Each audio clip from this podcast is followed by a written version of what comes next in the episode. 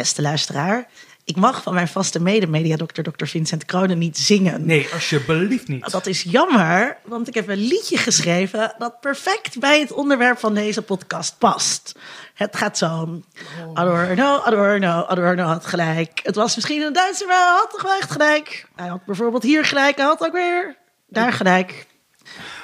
Linda, zullen we dit gewoon nooit meer doen?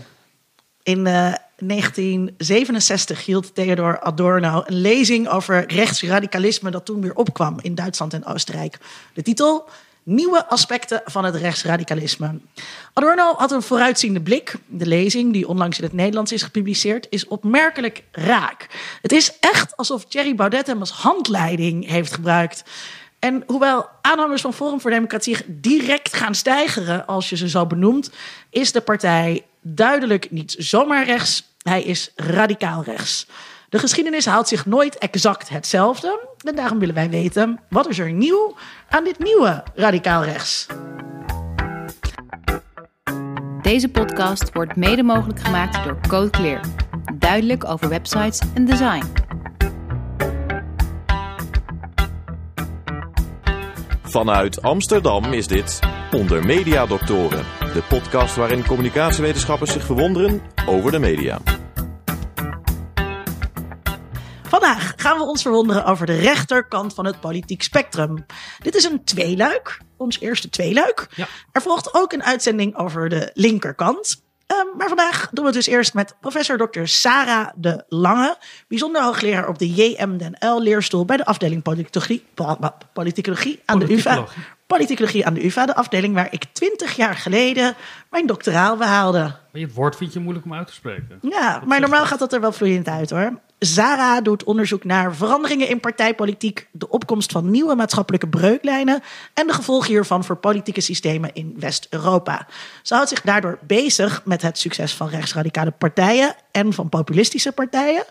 Ik ga straks die terminologie bevragen, maar niet voordat ik Vincent even het woord geef. Ja, ik wil ook wel eens wat zeggen. Ja, Vincent, hoe kan het toch dat die Adorno zo'n gelijk heeft? Een sturende vraag, eh, dokter Duits. Ja, Ehm, nou, wat ik altijd heel mooi vind van de Frankfurter Schule, dus ook Adorno, eh, dat hij heel goed in staat is in de analyse uit te leggen dat er niet een soort persoonlijke individuele schuld is voor bepaald gedrag of handelen, maar dat dat een, iets in een systeem zit. En wat hij in, en hierover heeft gezegd, en je hebt dat boekje gelezen, is dat we wel een vorm van vervreemding kunnen ervaren. En dat vanuit vervreemding, het idee dat je geen invloed meer hebt op je omgeving door technologie en door kapitalisme en ook nog eens een keer met een idee dat het allemaal je eigen schuld is. Het verhaal van het rechtsradicalisme een hele aantrekkelijke narratief biedt. Wat bedoel je dan met het verhaal van het rechtsradicalisme? Nou, je ziet, daar gaan we in deze uitzending het uitgebreid over hebben. Hoe je het went of keert, zie je dat. het- Oh, voor, de, voor de doelgroep bedoel je? Ja, voor de doelgroep biedt het je een, een hele aangename eh, eh, verhaal. Dat je ergens tegen kan zijn. Dat je bepaalde vreemde krachten, immigratie of ander, de schuld kan geven. Maar ook dat er een soort, soort genoegzaam eigen gelijk in zit in de strijd tegen het kwade. Maar, maar Adorno Wat- zegt juist dat eh, de mensen die, die, daarin, die daarin trappen, Mhm. die in de trucs vallen, dat dat woedsen zijn. Ja, uiteindelijk win je Worsten. niks mee. Eh, maar het idee dat je daar een onderdeel van bent... en dat je daar eh, bij elkaar kan komen... bijvoorbeeld elke maand bij een bepaalde partij... en dat je dat ge- gemeenschappelijk hebt... en het liefst dat dat een beetje geuniformeerd is... ook in kleding en dat je een gelijk doel hebt... Zeker in tijden dat je je vervreemd voelt en je hebt weinig invloed op de wereld... en je biedt hiermee een mogelijkheid om weer een soort eh, gezag te hebben... dat is heel erg aantrekkelijk. Hm, ik lees toch Adorno echt wel anders hoor. Dat, dat hij zegt echt, nee, zij, zij, zij maken Ze gebruik zijn van... misleid. Dat Ze, ze worden misleid. Het Ja. zijn trucjes. Dus hij is helemaal niet zo. Jij, jij lijkt nog wel wat sympathiek te hebben voor deze mensen. Nee, ik, nee, laten we dit even heel scherp hebben. Eh, ik, ik, ik ben ervan overtuigd dat het een, een, een trucje is. Dat het niet een doorvrochte ideologische beweging is. Maar dat horen we straks eh, graag van onze gast. Maar dat je, er, zit een, een, een- er moet een aantrekkelijkheid in zitten in dit verhaal voor mensen die hier achteraan lopen. Ja. Dat kan niet anders, anders zou het niet gebeuren. Ja. En ik snap de aantrekkelijkheid ervan. Maar ik ben dus niet met je eens dat dat de reden is waarom Adorno zo'n gelijk heeft. Want dat is niet helemaal volgens mij wat Adorno beweert. Maar dat maakt niet uit. We gaan niet, de ruzie, niet meteen nu al ruzie maken. Dat wacht wel, bewaren we wel Het tot het einde. hè? Ja, eh, eh, Sarah, is het echt een vooruitziende eh, blik of is de geschiedenis gewoon cyclisch? Ehm, alle twee is eh, denk ik waar. Ehm, we zien dat een aantal fenomenen steeds terugkeert eh, in, in de politiek. Eén daarvan is de opkomst van nieuwe partijen op het moment dat gevestigde partijen eigenlijk tekortschieten. Als zij er niet in slagen de eh, kiezer te vertegenwoordigen. Nou, dat is nu heel duidelijk aan de hand. Maar dat hebben we ook al eerder in de eh, eh, geschiedenis gezien. Je noemde de publicatiedatum van eh, dit boek. Nou ja, dan zitten we dus in Nederland in een periode waarin er ook allerlei nieuwe po- politieke bewegingen opkomen. Eh, D66, de Boerenpartij, eh, de PSP, de EVP. Nou, ik kan een hele lijst maken. Ehm, omdat op dat moment de vertegenwoordiging ook tekort schoot. En dat is nu weer het geval. Tegelijkertijd, als we kijken naar radicaal rechtse partijen die nu succesvol zijn, dan zien we ook wel belangrijke verschillen met radicaal rechtse bewegingen die eerder in de geschiedenis eh, succesvol zijn geweest. Ja, nou, dat gaan we deze aflevering een beetje bevragen. Hè, wat, er, wat er nou precies nieuw aan is. Weet de luisteraar eh, voor de verandering ook eens een keertje van tevoren eh, de vraag. Eerst even die terminologie, Ehm, eh, Sarah. Want ehm, de aflevering heet Uiterst Rechts. Eh, en dat heb ik niet zelf bedacht. Wat is uiterst rechts? Uiterst rechts is een term die eh, recent geherintroduceerd is door de Nederlandse politicoloog Cas Mudde. Eh, omdat die, term eigenlijk zowel radicaal rechts als extreem rechts samenvat. Dus het gaat hier om twee onderscheidende politieke bewegingen. die wel heel veel met elkaar gemeen hebben, maar op pa- bepaalde fundamentele punten van elkaar afwijken. Eh, maar tezamen noemen ze uiterst rechts, waarbij radicaal rechts heel kort door de bocht eigenlijk de meer gematigde variant is en eh, extreem rechts de meer extreme variant, zoals de term al zegt. En wat is dan eh, populisme? Populisme is iets dat er nog bij kan komen. Dus radicaal rechtse partijen en extreemrechtse partijen kunnen populistisch zijn, maar hoeven dat niet te zijn. Kan ook zonder populisme bestaan. Ja. En populisme kan ook aan de andere kant van het politieke spectrum voorkomen. Dus we hebben radicaal links populistische partijen. We hebben zelfs partijen in het centrum eh, van de, van de links-rechtse dimensie die we als populistisch zien. Denk aan de Movimento Cinque Stelle in Italië. Eh, dus dat is een, een soort eh, toevoeging eigenlijk. En ehm, eh, ik, ik luister trouwens vandaag eh, naar dus de Vlees podcast eh, over polarisatie en populisme ook aan de linkerkant. Dan ben ik even Ilko. Ilko. Elko Hartenveld, Ja. een van mijn collega's. Ja, precies. Dus als je als luisteraar denkt, oh wauw, dit vind ik nog heel interessant, dan moet je ook de Stuk Rood Vlees podcast daarover luisteren. Want dat gaat dus echt heel erg in over eh, op eh, de warmte die er is tussen linkse en rechtse kiezers. En ook op, die, op, die, eh, op dat populisme aan de linkerkant. Maar wij blijven dus even aan de rechterkant. Ehm, ik heb begrepen dat ehm, extreem rechts ehm, geen geweld schuwt. Is dat een goede manier om een onderscheid te maken tussen radicaal rechts en extreem rechts? Dat is wel een van de elementen waar naar gekeken wordt. Dus eh, er wordt gezegd dat radicaal rechtse partijen anti-liberaal democratisch zijn en extreemrechtse partijen antidemocratisch. Dus eh, dat onderscheid zit er maar vooral in het feit dat radicaal rechtse partijen ehm, de basisspelregels van de democratie eh, omarmen. Vrije verkiezingen, eh, vertegenwoordiging parlement, parlementaire besluitvorming, regering, et cetera. Terwijl extreemrechtse partijen dat niet onderschrijven. Ja, wat is de makkelijkste manier om dat vast te stellen? Is eh, natuurlijk te kijken of eh, partijen wel of niet geweld afwijzen. Dus het gaat er niet om dat ze zelf geweld gebruiken. Dat is nog eh, een stap verder.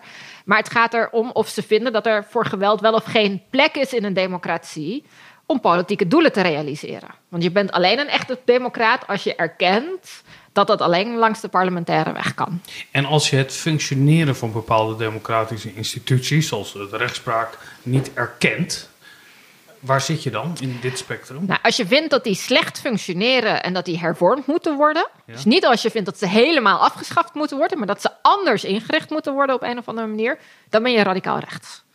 Eh, dus er, er is best wel een brede categorie van radicaal rechts, eh, rechtse partijen. Ja.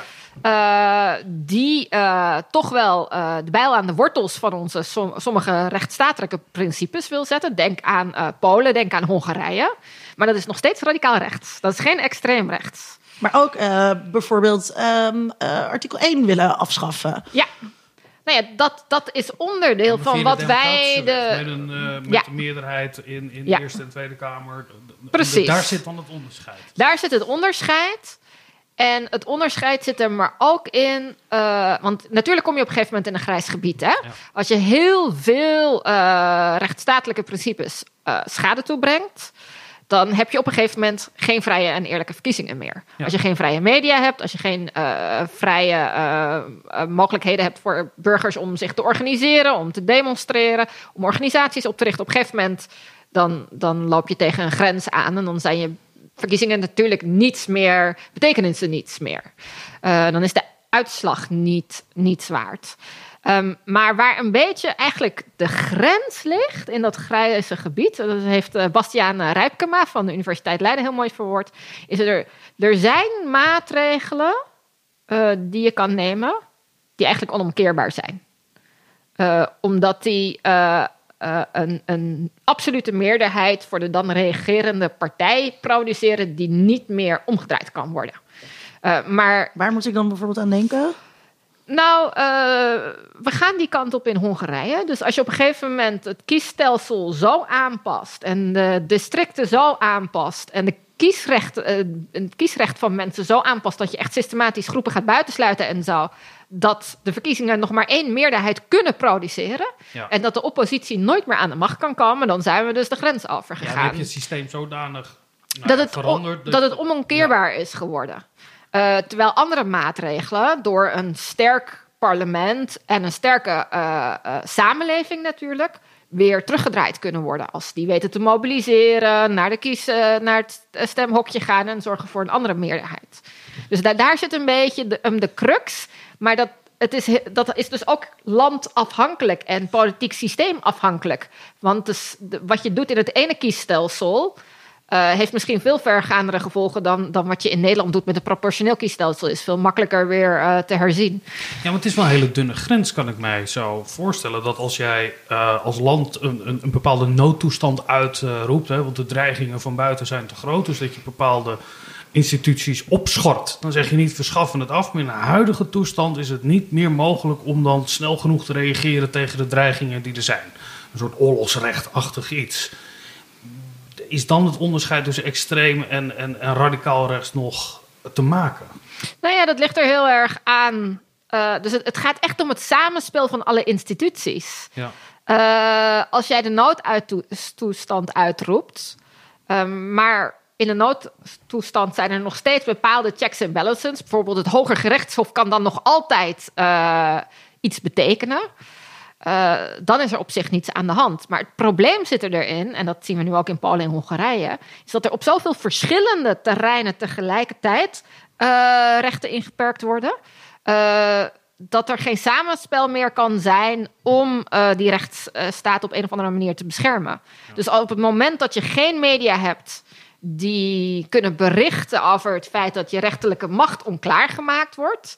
En dat er voor burgers geen mogelijkheid meer is om daar die, eh, eh, legaal tegen te demonstreren. Ja, dan heb je een probleem.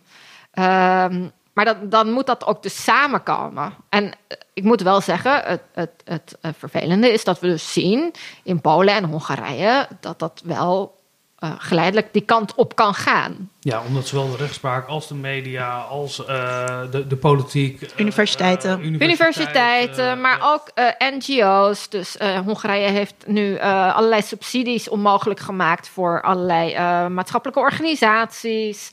Eh, kunsten eh, worden eh, minder vrij. In Polen weigerde de premier om de herbenoeming van een van de museumdirecteuren goed te keuren. Nou, als je op al die terreinen tegelijkertijd actief wordt, ja, dan krijg je een hele onvrije samenleving waar o- waarin op een bepaald moment die verkiezingsuitslag eigenlijk niets meer betekent. Kan je ook ehm, extreem rechts met populisme hebben?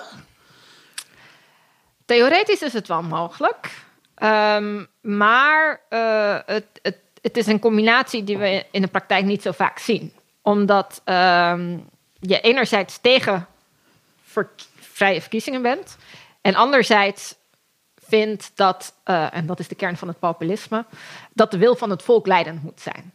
Het kan wel, en we hebben het ook wel gezien eh, in de geschiedenis, wanneer er een leider is die claimt dat hij de vertegenwoordiger van dat volk is. Dat hij weet wat het volk wil en dat hij die volkswil ten uitvoering kan brengen zonder tussenkomst van verkiezingen. Dus het is niet onmogelijk, maar we zien het in de praktijk op dit moment heel weinig. Dus bij extreemrechtse groeperingen, eh, die doen er eigenlijk dus nooit zo'n beroep, beroep op het volk. Nee, die beperken dat toch altijd heel snel tot één hele specifieke groep in de samenleving. En dat benoemen ze ook. En zij zijn ook meestal niet, geen voorstander van al die middelen eh, waarmee populisten die volkswil tot uitdrukking willen brengen. Zoals referenda, direct gekozen vertegenwoordigers en alles wat daarbij hoort. Tijdens de impeachment hearings is dit een van de lijnen van verdediging geweest van Trump. Hè? Dat Trump verkozen was en zijn handelen dus per definitie de wil van het volk vertegenwoordigde. Dus hij kon ook niet een impeachable eh, iets hebben gedaan, want dat was in het belang voor de hele Verenigde Staten vertegenwoordigd door de meerderheid van de kiesmannen. Ja, maar dat is dus populistisch. Ja, maar dat gebeurde daar in de verdediging Ja. van zijn. eh, en hij is En jij wil zeggen, met, dat- met zo'n appel daarop zou je op een gegeven moment ook kunnen zeggen dat Trump niet meer verkozen hoeft te worden en niet opnieuw verkozen hoeft te worden, want één keer was is genoeg. Heel erg eh, aan het hinten naar dat twee termijnen misschien een beetje weinig is. Ja, natuurlijk gaat hij dat doen. Dat Maar dit is, iedereen. dit is natuurlijk precies wat er een aantal jaar geleden in Venezuela is gebeurd. Ja.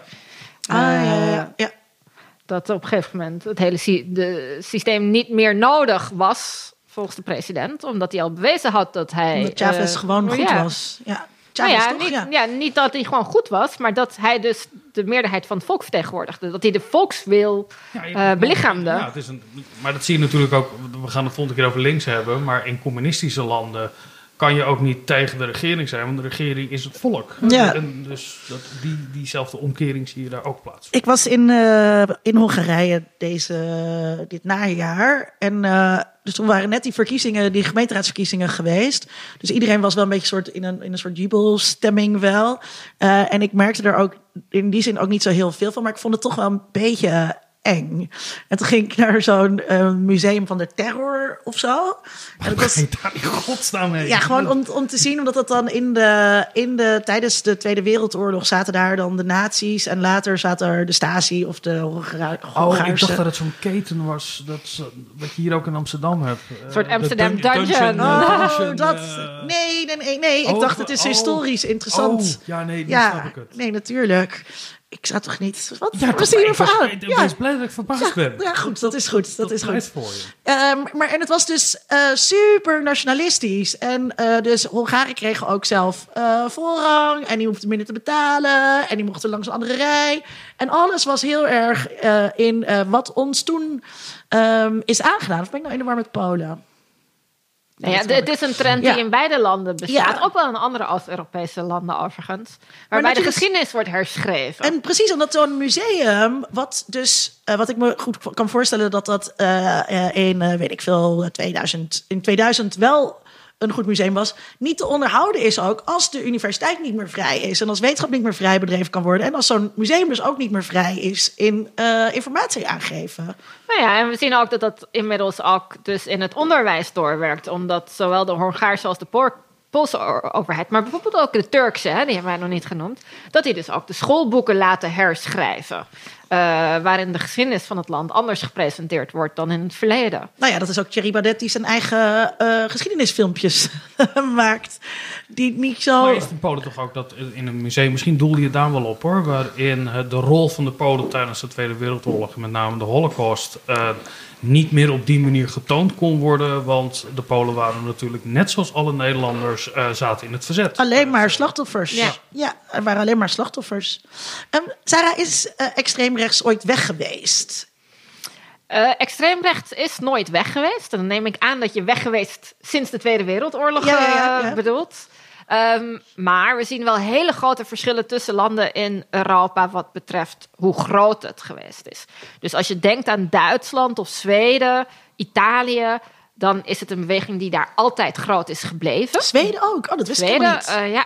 Direct al na de Tweede Wereldoorlog waren daar groeperingen die zich weer eh, herorganiseerden en eh, de straat op gingen, campagne gingen voeren. Ehm, in Nederland is de beweging altijd relatief klein geweest. Dus, eh, en daarmee ook bepaalde momenten in de geschiedenis bijna onzichtbaar. Ehm, het interessante is, denk ik, dat in Nederland het aantal hanger, aanhangers door de tijd niet, heen niet zoveel veranderd is. Dus we hebben het in Nederland, als we het echt over extreem rechts in de, in de strikte zin hebben, hebben we het over enkele honderden aanhangers. Maar dat de zichtbaarheid zo veranderd is in de laatste decennia. Dus we hebben in Nederland hebben we jaren 80, jaren 90 hebben we echt een, eh, een opleving gehad van extreemrechtsactivisme. Eh, dat is de tijd van de CP86, Centrumdemocraten, NVU, voorposten die heel zichtbaar waren. oh, veel demonstraties op straat. eh, brandaanslag natuurlijk in Amsterdam in der tijd. Nou ja, toen is het zo begin 2000 een tijdje eigenlijk heel stil geweest rond extreemrechts in Nederland. En het is pas met de vluchtelingencrisis geweest dat die zichtbaarheid echt weer heel sterk is toegenomen. Ja. Ik, ik kan me ook nog heel goed herinneren die tijd, want ik ben heel oud. Dat er ook een, een, een sfeer was dat CP86 en Centrumdemocraten. Van, eh, daar waren we, hè, er was een heel breed protest tegen. Maar er was ook wat blij dat wij deze rechtsradicalen hebben. En niet wat slimmere, aantrekkelijkere en leukere mensen. Want dan zou het wel eens van. Eigen- Ja. Maar we, we moeten blij zijn, we moeten Hans-Jan Maat niet te veel aanvallen. Oh, zo, ja. Want Ja. ja, We moeten blij zijn dat het geen, dat het geen charismatisch leider precies. is. Ja, dat- dat nou ja, Nederland ook- heeft in dat opzicht ook wel tussen aanhalingstekens geluk gehad. Want in heel veel andere landen zien we dat natuurlijk radicaal rechtse partijen al begin jaren 80 opkomen.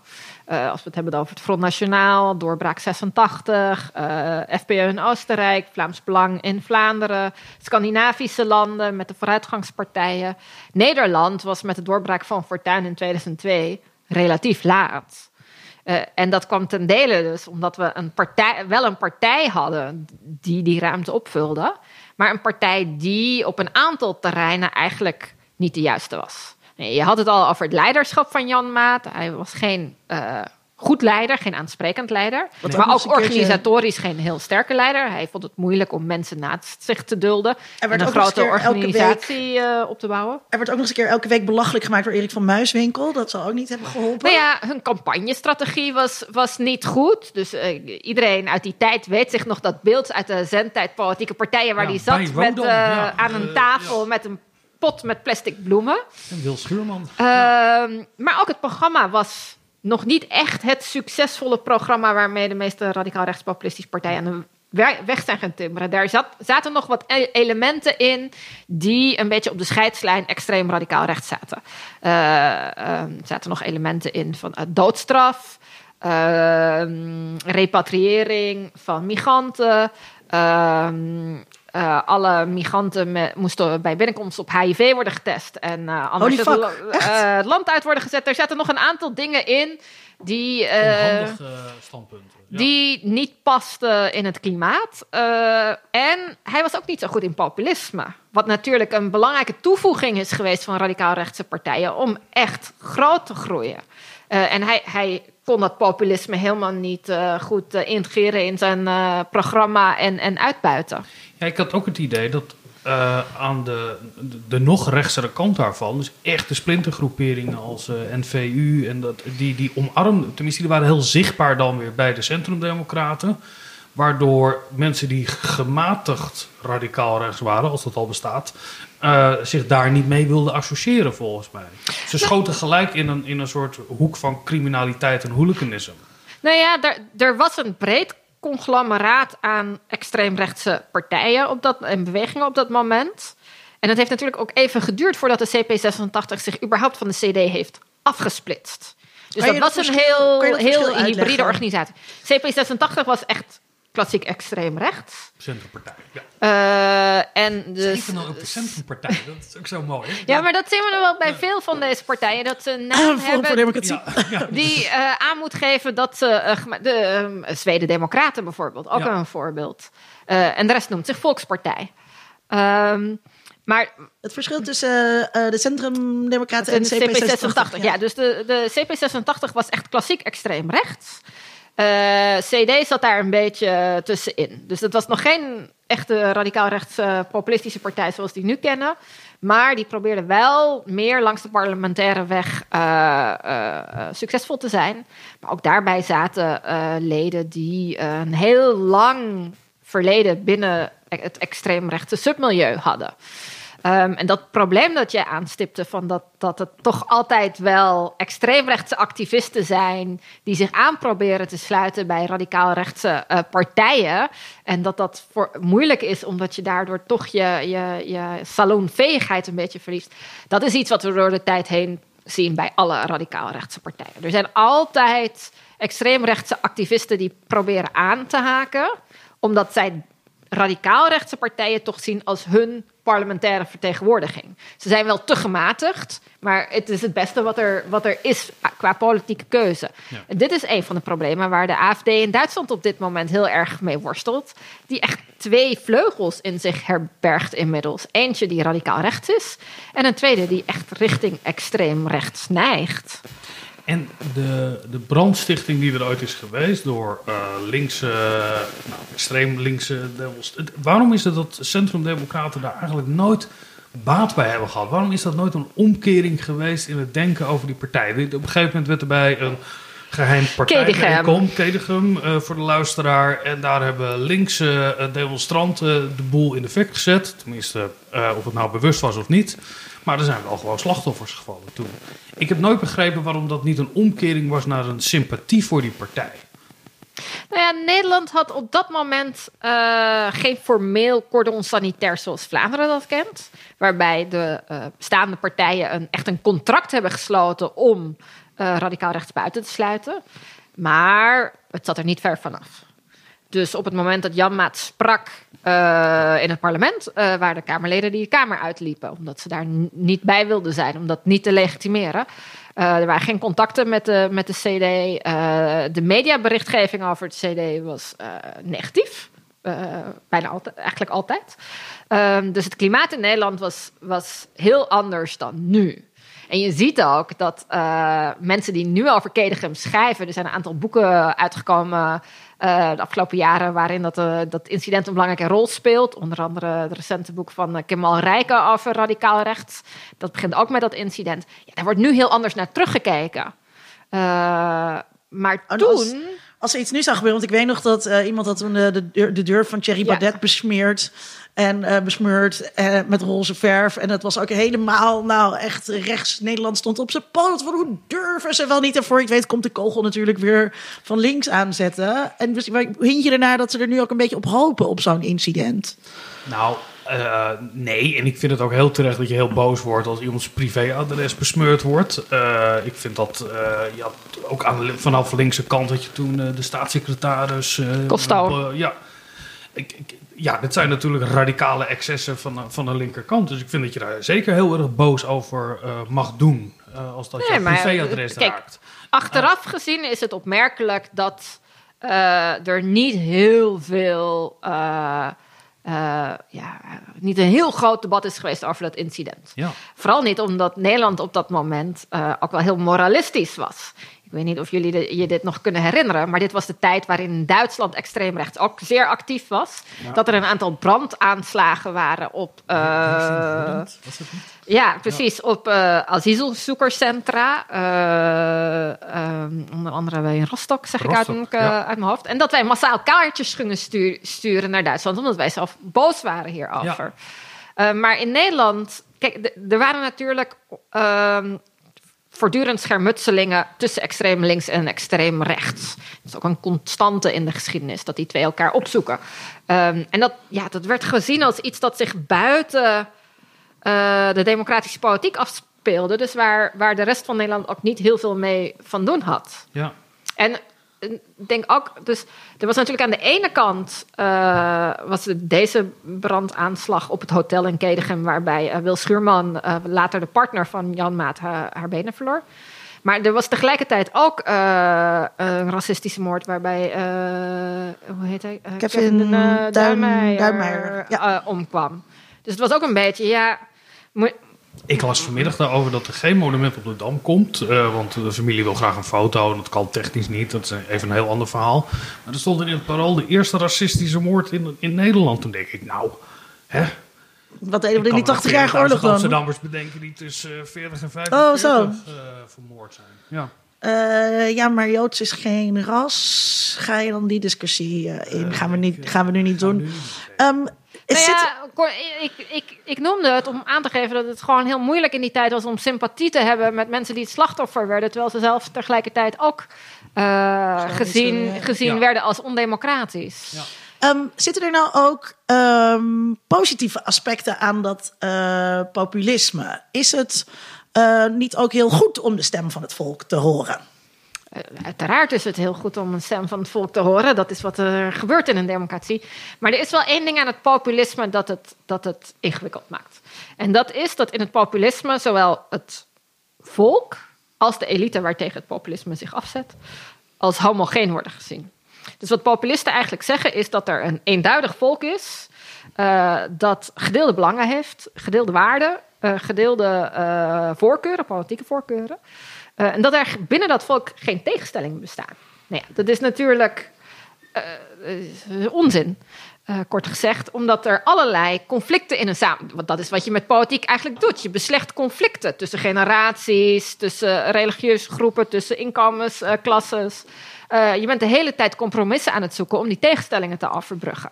En het ontkennen van die tegenstellingen is problematisch, omdat je daarmee ook zegt: ja, die hele rechtsstaat die hebben we eigenlijk niet nodig.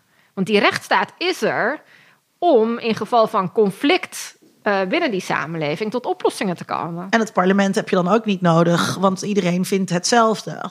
Uiteindelijk wel. Dat als je de redenering helemaal doorvoert, is dat wel de conclusie waar je op uitkomt. Ja. Ik was een interview met een, uh, een boer. En die zei ook zoiets van: ja, die democratieën, er zijn gewoon niet zo heel veel boeren. Dus electoraal kunnen we niet zo heel veel uithalen. Dus democratie is nou niet de weg waarmee wij ons standpunt duidelijk kunnen maken. Dus we gaan weer uh, demonstreren. Uh, en, en, en ook verderop in het interview stond dat. Ja, je kan allemaal bezwaren hebben vanuit Europees perspectief of wat dan ook. Maar de echte Nederlanders, die weten wel waar het om gaat. En dat zijn nu de boeren en straks de vissers ook, die allemaal om uh, windmolens moeten heen varen. En dat gaat erin. Maar inderdaad, die, dat appel aan een soort, soort, soort oer-Nederland of de echte Nederlander. Uh, ik, ik, ben altijd benieuwd waar die dan uh, wonen, uh, wie dat dan precies zijn. Tenminste, ik denk dat ik het dan weer niet bij hoor. Linda, jij zeker niet, maar... Uh, nee, wij horen er zeker niet bij, want wij behoren tot de elite. En uh, die, die worden het meest gehaat. Dus er is niks erger dan een linkse intellectueel zijn. Dat is het tegenovergestelde van een boer. Hè, wij produceren niets behalve gebakken lucht. En daar kan je niet van eten. ja. Uh, en, ehm, en ons wij horen dus ook niet tot dat volk. wij, wij verstieren de boer, boel alleen maar. Daarom moeten wij ook weg. Ehm, ja, jij, nou, jij zeker. Um, het populisme wat je nu ziet, hè, of de vertegenwoordiging van het populisme. En als je dat kijkt bij Pim Fortuyn, wat me altijd verbaasd heeft, is dat. Ik was even aan het zoeken naar de boerenquote van. De uh, vertegenwoordigers van uh, dat populisme. Mm -hmm. uh, een, een, Pim Fortuyn was een, een, een homoseksuele dandy, bijzonder hoogleraar was hij ooit. Je kan hem met alle, met twee, je kan hem met alle geweld toch niet een man van het volk noemen. En toch werd het onze Pim. Ja, dat, dat is echt een van de, de puzzels die wij als politicologen ook nog niet hebben opgelost. Maar, we zien dat in heel Europa. Dus wij hadden, wij hadden Pim Fortuyn. Nou, je kan moeilijk van Silvio Berlusconi zeggen dat hij een man van het volk is. Ja. Uh, Jean-Marie Le Pen, miljonair. Uh, Jurk Haider, miljonair. Uh, Philip de Winter, zeer gegoed wonend in de rand van Antwerpen. Tussen alle Nederlanders die daar naartoe gevlucht zijn. Ja. Ehm, dus dat geldt voor heel veel leiders van radicaal rechtspopulistische partijen. Johnson nu. eh, eh, Ook. eh, Trump, Trump, Trump, natuurlijk bij uitstek. Ehm, we weten dat zij erin slagen om een legitieme claim neer te leggen. Dat zij weten wat het volk wil. Pim Fortuyn zei dat natuurlijk heel expliciet. Ik zeg wat u denkt. ja. Ehm, maar waarom dat zo geloofwaardig is voor burgers, daar hebben we nog niet echt de vinger op weten te leggen. Maar als je hier, eh, zonder dat we je op academische normen gaan eh, betrappen, je gedachten over zou moeten laten gaan. Nou ja, wat ik heel interessant vind is de Italiaanse casus, waar eh, eh, de, de, de eh, aanhangers van Berlusconi natuurlijk hem heel lang in, eh, in het zadel hebben gehouden. Dus Berlusconi heeft in het totaal vier kabinetten geleid eh, met zijn Forza Italia.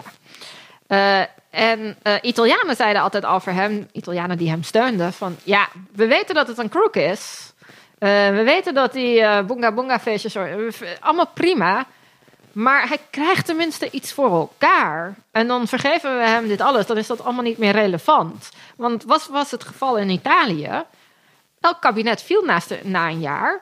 Dus er gebeurde niets. Er kwamen geen hervormingen. 120 kabinetten geweest, want het Precies. Berlusconi was de eerste die überhaupt een kabinet eruit uit liet zitten. Ja.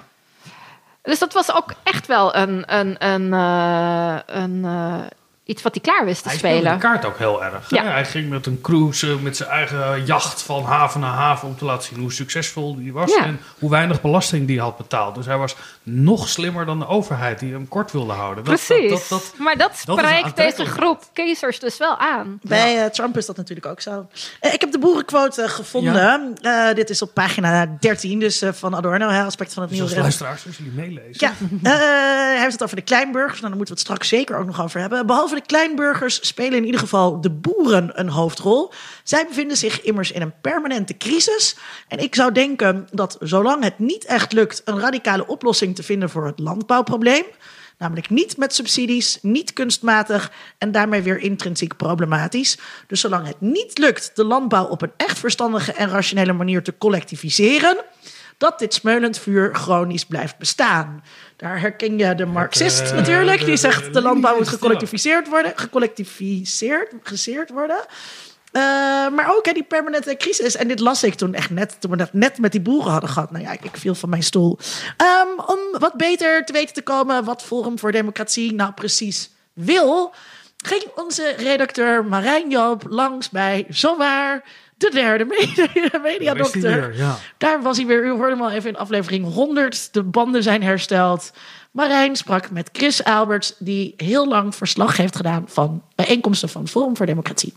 Voorzitter, wat hier nu gebeurt in Nederland, hoe de democratie wordt gegijzeld en de bevolking buitenspel staat, het is exact wat ik in mijn boek Breek het partijkartel heb beschreven.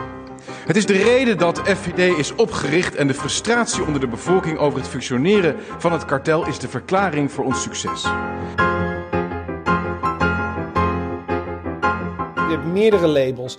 Je hebt fascistisch, je hebt racistisch, je hebt extreem rechts en je hebt radicaal rechts. Nou, de enige van deze vier die redelijk duidelijk is, is racistisch. De andere drie, dat is, dat is echt dat is een soort name-calling. Bijvoorbeeld fascisme, dat is dan ge geweld verheerlijken. Nou, volgens mij doen ze dat niet. Ik geloof dat extreem rechts, dat heeft dan als kenmerk dat het dan tegen de democratie is. Nou, volgens mij zijn ze dat ook niet. Maar daarom zou ik dus zeggen, ze zijn wel radicaal rechts. Want ze zijn wel tegen onderdelen van de liberale democratie. En daar zijn ze dan weer grillig in. Chris Alberts is communicatiewetenschapper, journalist en volgt de partij Forum voor Democratie op de voet. Maar wat voor partij is dat? Zij zijn intern helemaal niet democratisch, omdat het een dwangstructuur is. Dat is wat het is. Dus ehm, er is een top. Die top heeft een programma gemaakt. Mensen komen op dat programma af omdat het inhoudelijk eh, hen aanspreekt. Dus men- mensen willen minder migranten of minder islam of meer eh, referenda, minder windmolens, eh, dat soort dingen.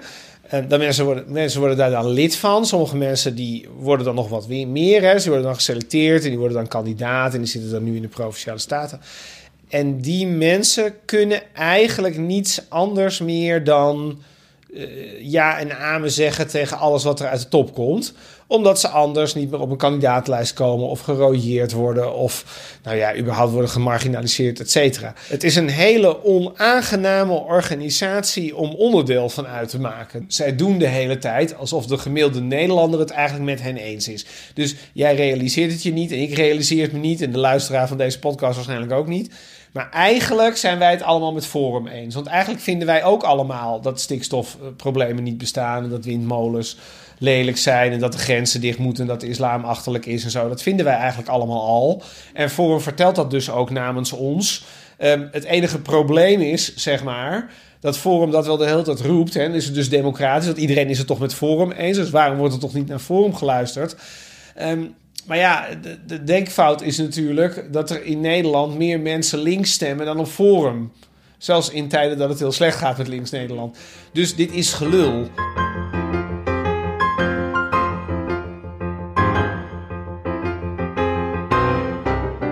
Energietransitie en het hele klimaatdenken eh, behoort tot de allergrootste zwendels van onze tijd. Het is product van een vergelijkbaar soort utopisch denken als de massale immigratiegolven die in de afgelopen decennia op gang zijn gekomen, die nog steeds niet zijn gestopt. En waar staat de Partij Forum voor Democratie eigenlijk voor? In 2002 is Fortuyn vermoord. Fortuyn zou de migranten gaan aanpakken. En toen heeft Rita het geprobeerd. En Rita mislukte. En toen is Geert heeft het geprobeerd. En Geert staat buiten de wedstrijd. En nu, heeft, nu is er Baudet. En nu zegt Baudet dat hij het gaat oplossen. En nu moet en zal Baudet het oplossen. Dus uh, maakt het uit dat Baudet liegt? Nee. Dat maakt niet uit. Maakt het uit dat die partij democratisch is? Nee, dat maakt niet uit. Maakt het uit dat ze weinig in de Kamer zijn? Nee. Maakt het uit dat Annabel Nanninga hier in Amsterdam in de gemeenteraad zit en dat ze helemaal niets bereikt? Nee, dat maakt niet uit. Maakt het uit dat we nu in alle provincies statenleden hebben zitten die van toeten nog blazen weten, die geen enkel idee hebben wat ze daar zitten te doen? Nee. Maakt het uit dat ze beloven Europa te gaan verbouwen en dat in de praktijk niet doen? Nee, dat maakt ook niet uit, want de buitenlanders zijn erger. Als Forum zegt: het stikstofprobleem bestaat niet. Nou, dan daag ik jou uit. En ik, daag, ik zou bijna zeggen: ik daag Linda, Vincent en Sarah ook uit. Om aan te tonen op een concreet niveau voor gewone burgers in dit land die niet aan een onderzoeksinstelling werken. Om aan te tonen dat het stikstofprobleem bestaat. Er zijn ook mensen die reden hebben om zich druk te maken over allerlei dingen in de multiculturele samenleving.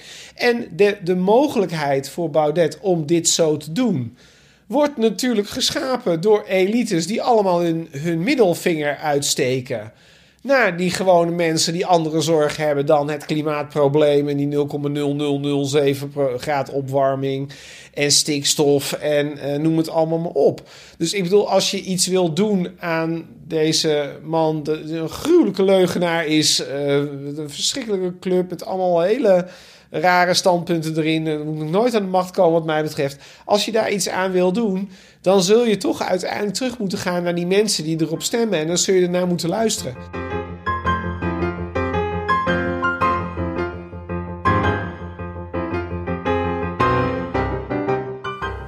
Zelfhaat als het ware, die we proberen te ontstijgen door alles in bureaucratische procedures te vangen.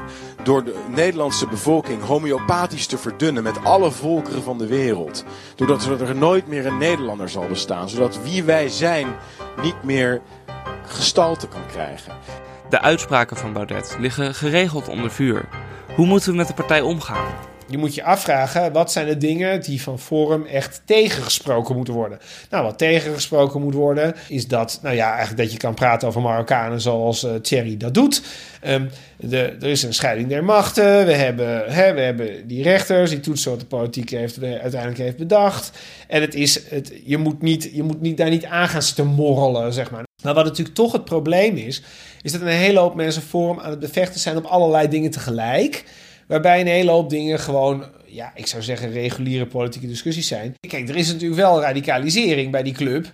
Maar dat is natuurlijk omdat er geen, omdat er geen normaal contact wordt gelegd.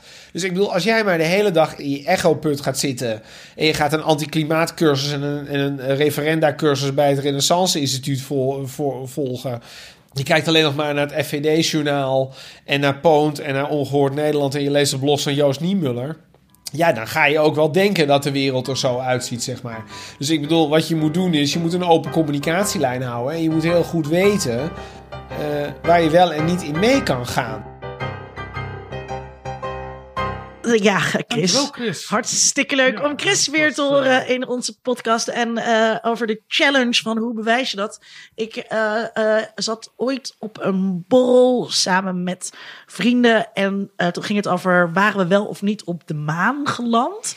En ehm, daar heb ik... Zo'n borrel, ja. Ja, nee, daar, dat, eh, daar heb ik eh, toen een stuk over geschreven. Want het ging eigenlijk over hoe kan je zo'n discussie beslechten als je geen beroep mag doen op NASA, de belangrijkste wetenschappelijke institutie die we hebben als het gaat over ruimtevaart.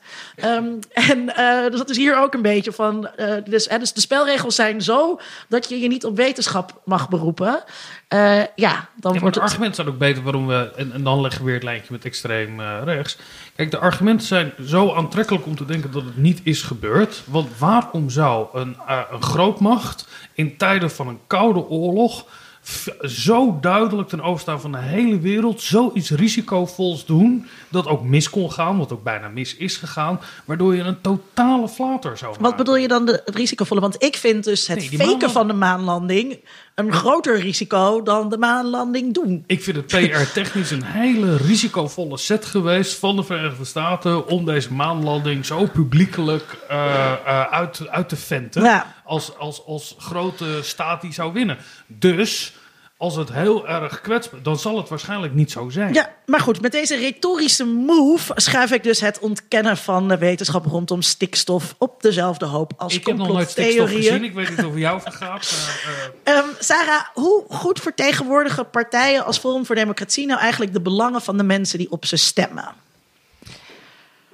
Ehm, als je kijkt naar wat de standpunten van deze kiezers zijn, dan komen die vrij goed overeen met wat de standpunten van deze partijen zijn. Dat is ook wat we vinden als de belangrijkste motivatie voor het stemmen op deze partijen. Het is niet een soort generiek protest.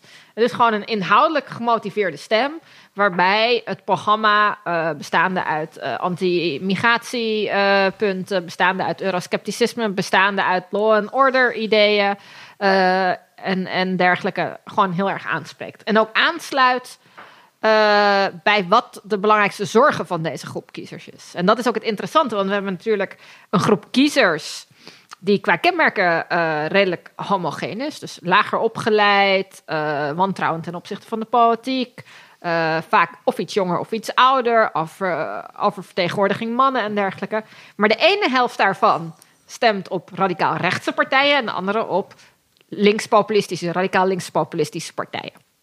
En dat zit hem toch echt in het feit wat zij als de grootste maatschappelijke problemen eh, zien. En de groep die die sociaal-culturele problemen het belangrijkst vindt, die stemt eh, op radicaal rechtspopulistisch. En de, de groep die zorg, onderwijs, werkloosheid en dergelijke het belangrijkst vindt, gaat de andere kant op. Terwijl ze verder gewoon heel veel met elkaar gemeen hebben. Betekent dat dan ook dat de economische standpunten van partijen als Forum eh, er minder te doen bij die kiezers? Ja. Dus kunnen ze daar ook makkelijker op draaien, op switchen? Nou ja, sowieso zien we dat eh, radicaal rechtse partijen heel divers zijn in die standpunten. Dus als je PVV met Forum vergelijkt, dan zie je daar een aantal grote verschillen in. Forum is aanmerkelijk rechtser, neoliberaler dan PVV. Maar ook internationaal zie je die verschillen terug. Dus er zijn landen waar, waar die partijen inderdaad een hele neoliberale inslag hebben. Partijen waar ze een soort gemengd programma hebben. Met enerzijds eh, een beetje links-sociaal beleid. Dus sterke vang, vangnet, maar dan wel voor de echte Nederlander of de echte Fransman. En eh, meer rechts financieel-economisch beleid. Lage belastingen, eh, goed vestigingsklimaat voor bedrijven. Dat tegelijkertijd ook toch protectionistisch en nationalistisch is. Dus je moet je eigen MKB moet je beschermen, je eigen boeren moet je beschermen. Eh, globalisering heeft zo zijn voordelen, maar ook zijn nadelen. Ehm, dus dat verschil zien we sowieso. Eh, maar we zien ook dat dit het terrein is waarop deze partijen vaak of relatief vaag zijn over hun standpunten. Om verschillende groepen kunnen, te kunnen aanspreken. Dus je had het net al over die, die kleinburger. Nou, je wil en die echte kwetsbare arbeider, die de gevolgen van de globalisering ondervindt, maar ook die uh, kleine zelfstandigen wil je kunnen aanspreken. Dat is ook een coalitie die we al sinds de jaar, jaren tachtig in het electoraat van deze partijen zien. Uh, en we zien inderdaad dat er door de tijd heen relatief veel verandert aan het sociaal-economisch programma. Terwijl dat sociaal-culturele programma enorm consistent door de tijd is. Daar zitten heel weinig uh, veranderingen in. De enige grote verandering is dat de partijen door de tijd heen, als we echt vanaf de jaren tachtig kijken, veel eurosceptischer zijn geworden. En dat is met name sinds het verdrag van Maastricht dat dat echt ingezet is. Sander Schimmelpenning uh, schreef vandaag in een column voor de... Sander Schimmelpenning, hoofdredacteur van een quote... schreef in een column voor de Volkskrant... dat het vooral um, de, de, de accountmanagers zijn... Uh, die in Gouda en Zutphen wonen. Dus helemaal niet die um, werkende klasse... die we zien als de verliezers van de, van de mondialisering... maar heel erg een tussenlaag, een middenklasse tussenlaag... Uh, die eigenlijk een beetje een soort verongelijk, verongelijkt zijn. Dat andere groepen dingen krijgen um, die zij niet nodig hebben. Maar het wel vervelend vinden dat andere groepen die krijgen. Nou, het is een beetje van beide. Dus er is een groep mensen in de samenleving die het sociaal-economisch echt zwaar heeft. Die, die werkloosheid is uh, echt een minimuminkomen. Die, voor hun zijn sociaal-economische onderwerpen gewoon veel te belangrijk om, om, überhaupt op deze partijen te stemmen. Dat is gewoon niet zij zijn zo bezig met hun bestaanszekerheid dat dit niet hun grootste zorg is. Maar dan vrij kort daarna krijg je al de kiezers van, van radicaal rechtspopulistische partijen.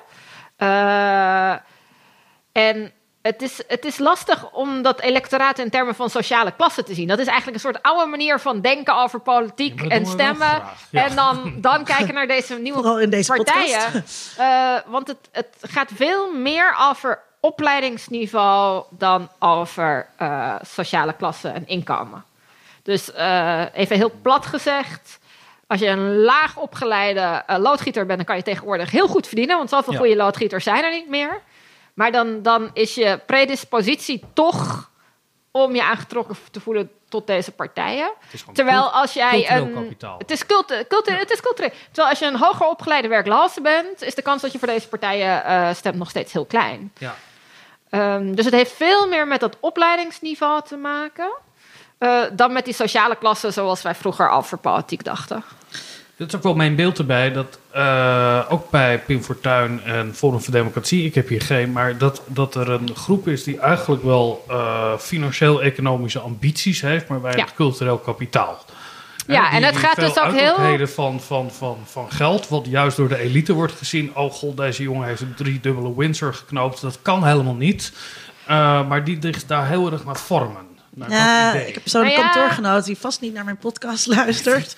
die, daar, die dus heel erg in dat, uh, in dat profiel valt. Dus een soort halve HBO-opleiding wel gedaan. En verdient nu bakken met geld. Uh, uh, iets, in iets met webdesign. En woont in Zandvoort. Wat natuurlijk iedereen weet, dat is geen frisse plaats.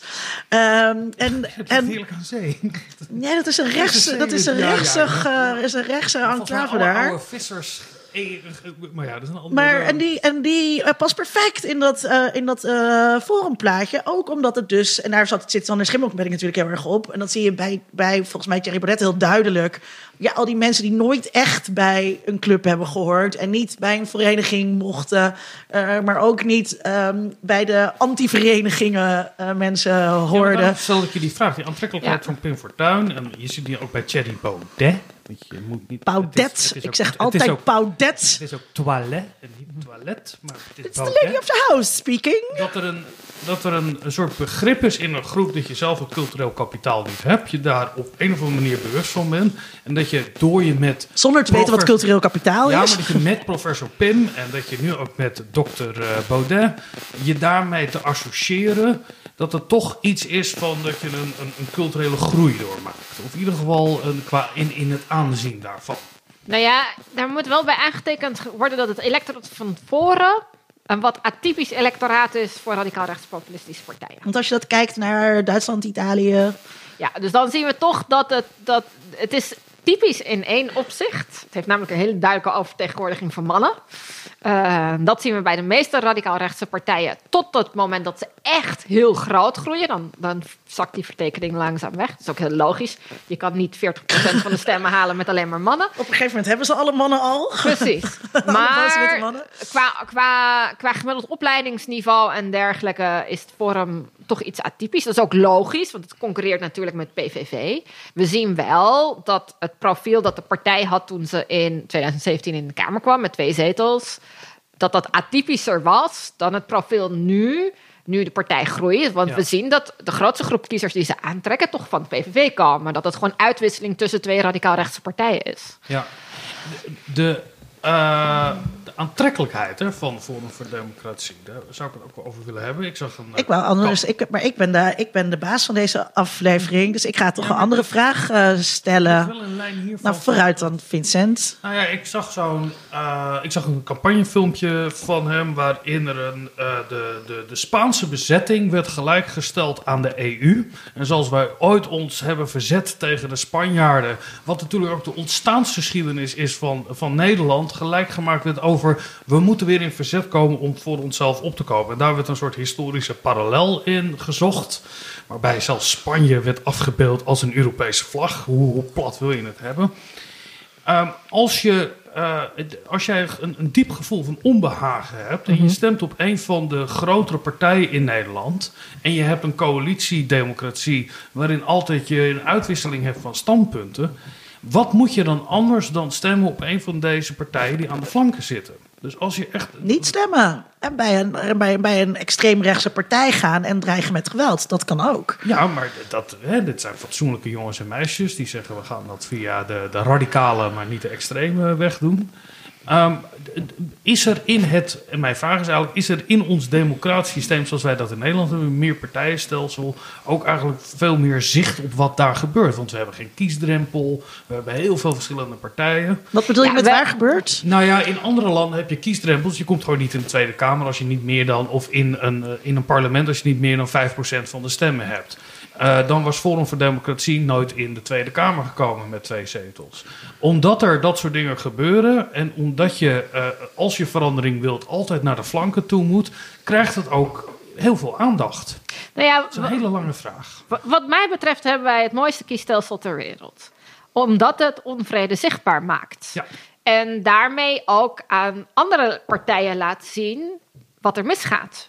Dus uh, het is bij ons heel helder uh, waar de onvrede inhoudelijk zit, maar ook hoe groot die ongeveer is. Terwijl in landen die geen proportioneel kiesstelsel hebben, denk aan het Verenigd Koninkrijk natuurlijk, maar ook bijvoorbeeld in Frankrijk met een twee-ronde systeem. Ja, daar, daar is het heel moeilijk in te schatten wat er nu precies aan de hand is in de samenleving. Wat er en sluimert. Wat er sluimert, uh, uh, maar ook hoe groot de onbehagen is. Uh, waardoor het ook vaak soms overschat wordt, omdat men denkt dat het uiteindelijk om meer kiezers gaat dan er daadwerkelijk op radicaal-rechtse partijen stemmen.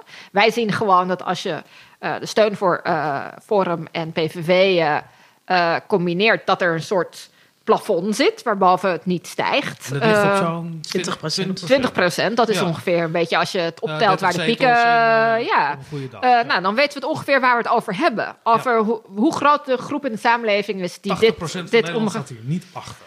Nou ja, dat is een belangrijke conclusie. Ja. Um, maar, en een ander voordeel is uh, dat je toch ook gedwongen wordt als bestaande partijen om vrij snel te reageren op uh, die nieuwe partijen en daarmee om te gaan. Wat je ziet in Frankrijk, waar het Front National sinds begin jaren 80 bestaat uh, en ook regelmatig meer dan 15% haalt in de peilingen, partij heeft bijna nooit een zetel in het parlement. Wat betekent voor de gevestigde partijen dat ze zoiets hebben van, nou ja, zal wel. Ja. Uh, door het kiesstelsel winnen we in onze districtverkiezingen toch wel. Uh, ja, en als er één of twee een keertje het parlement halen, dat maakt op die, uh, nou, wat zijn er in Frankrijk? Volgens mij bijna 400, 500 zetels in de, in de Assemblée Nationale. Dan maakt het ook niet zoveel uit. Maar daardoor kunnen die partijen ook altijd maar alles blijven roepen. Dat is in Nederland toch wel heel belangrijk geweest dat de PVV in een gedoogconstructie ging en vervolgens er weer uitging en eigenlijk geen regeringsverantwoordelijkheid wilde nemen.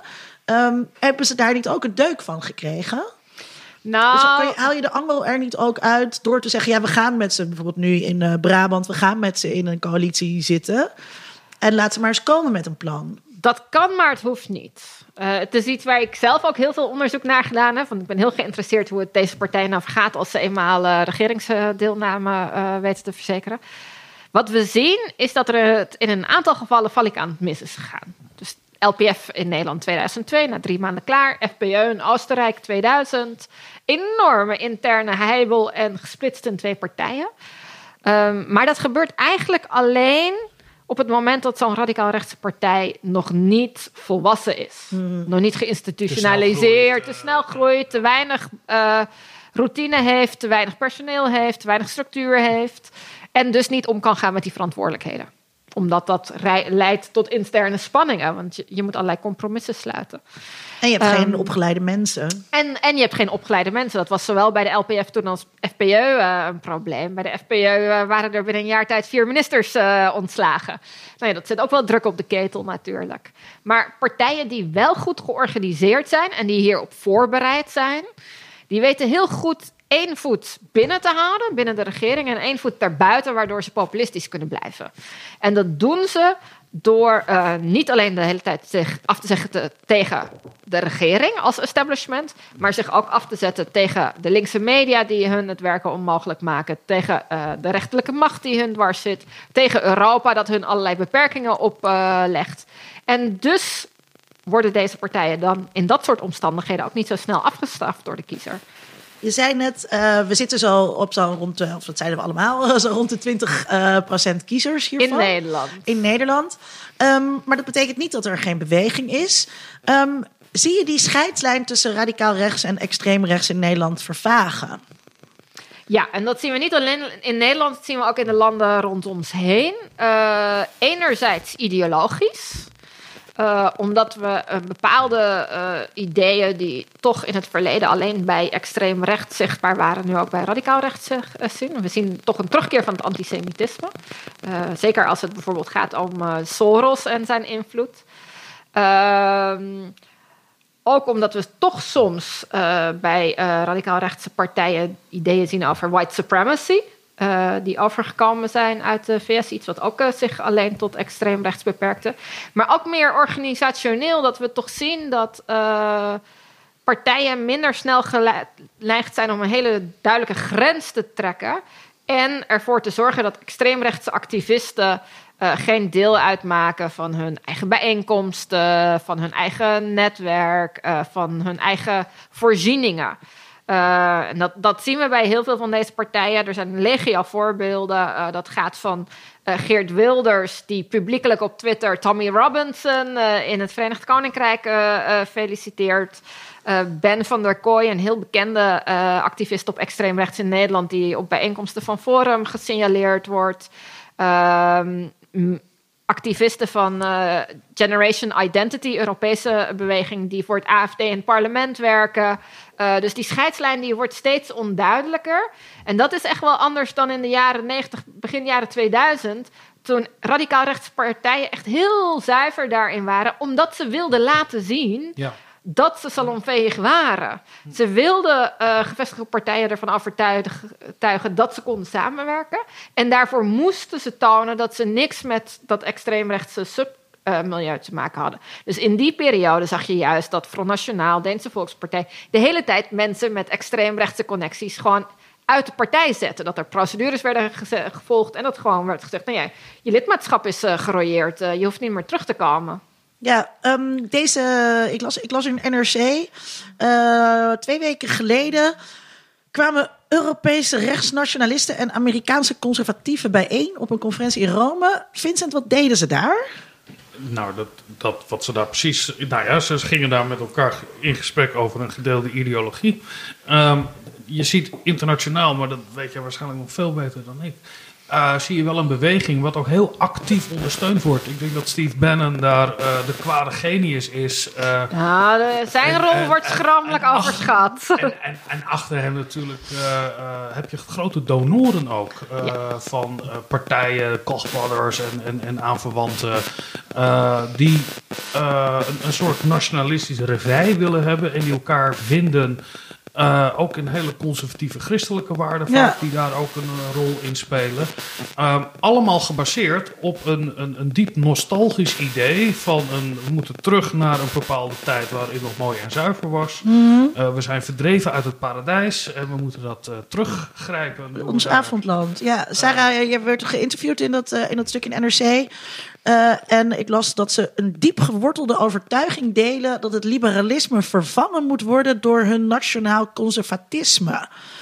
Ik schrok daar eigenlijk heel erg van toen ik dat las. Ehm, eigenlijk twee vragen. Wat is dat eh, nationaal conservatisme? En ehm, wat is een ik kan niet eens uitspreken, illiberale democratie? Eerst misschien dat, dat nationaal conservatisme. Wat, wat is dat? Die gedeelde ideologie die zij nastreven. Nou ja, nationaal conservatisme is een term die zij zelf hanteren. Eh, omdat die natuurlijk... eh, Minder erg klinkt dan rechtsradicalisme. nou ja, het- kijk, conservatisme maakt deel uit van de, van de mainstream. Dus nationaal conservatisme ook. Het is gewoon een specifieke vorm van conservatisme dan. Ehm, het ging om een bijeenkomst van partijen en denkers die eigenlijk allemaal op een of andere manier geaffilieerd zijn met één specifieke groep in het Europees Parlement, namelijk de ECR.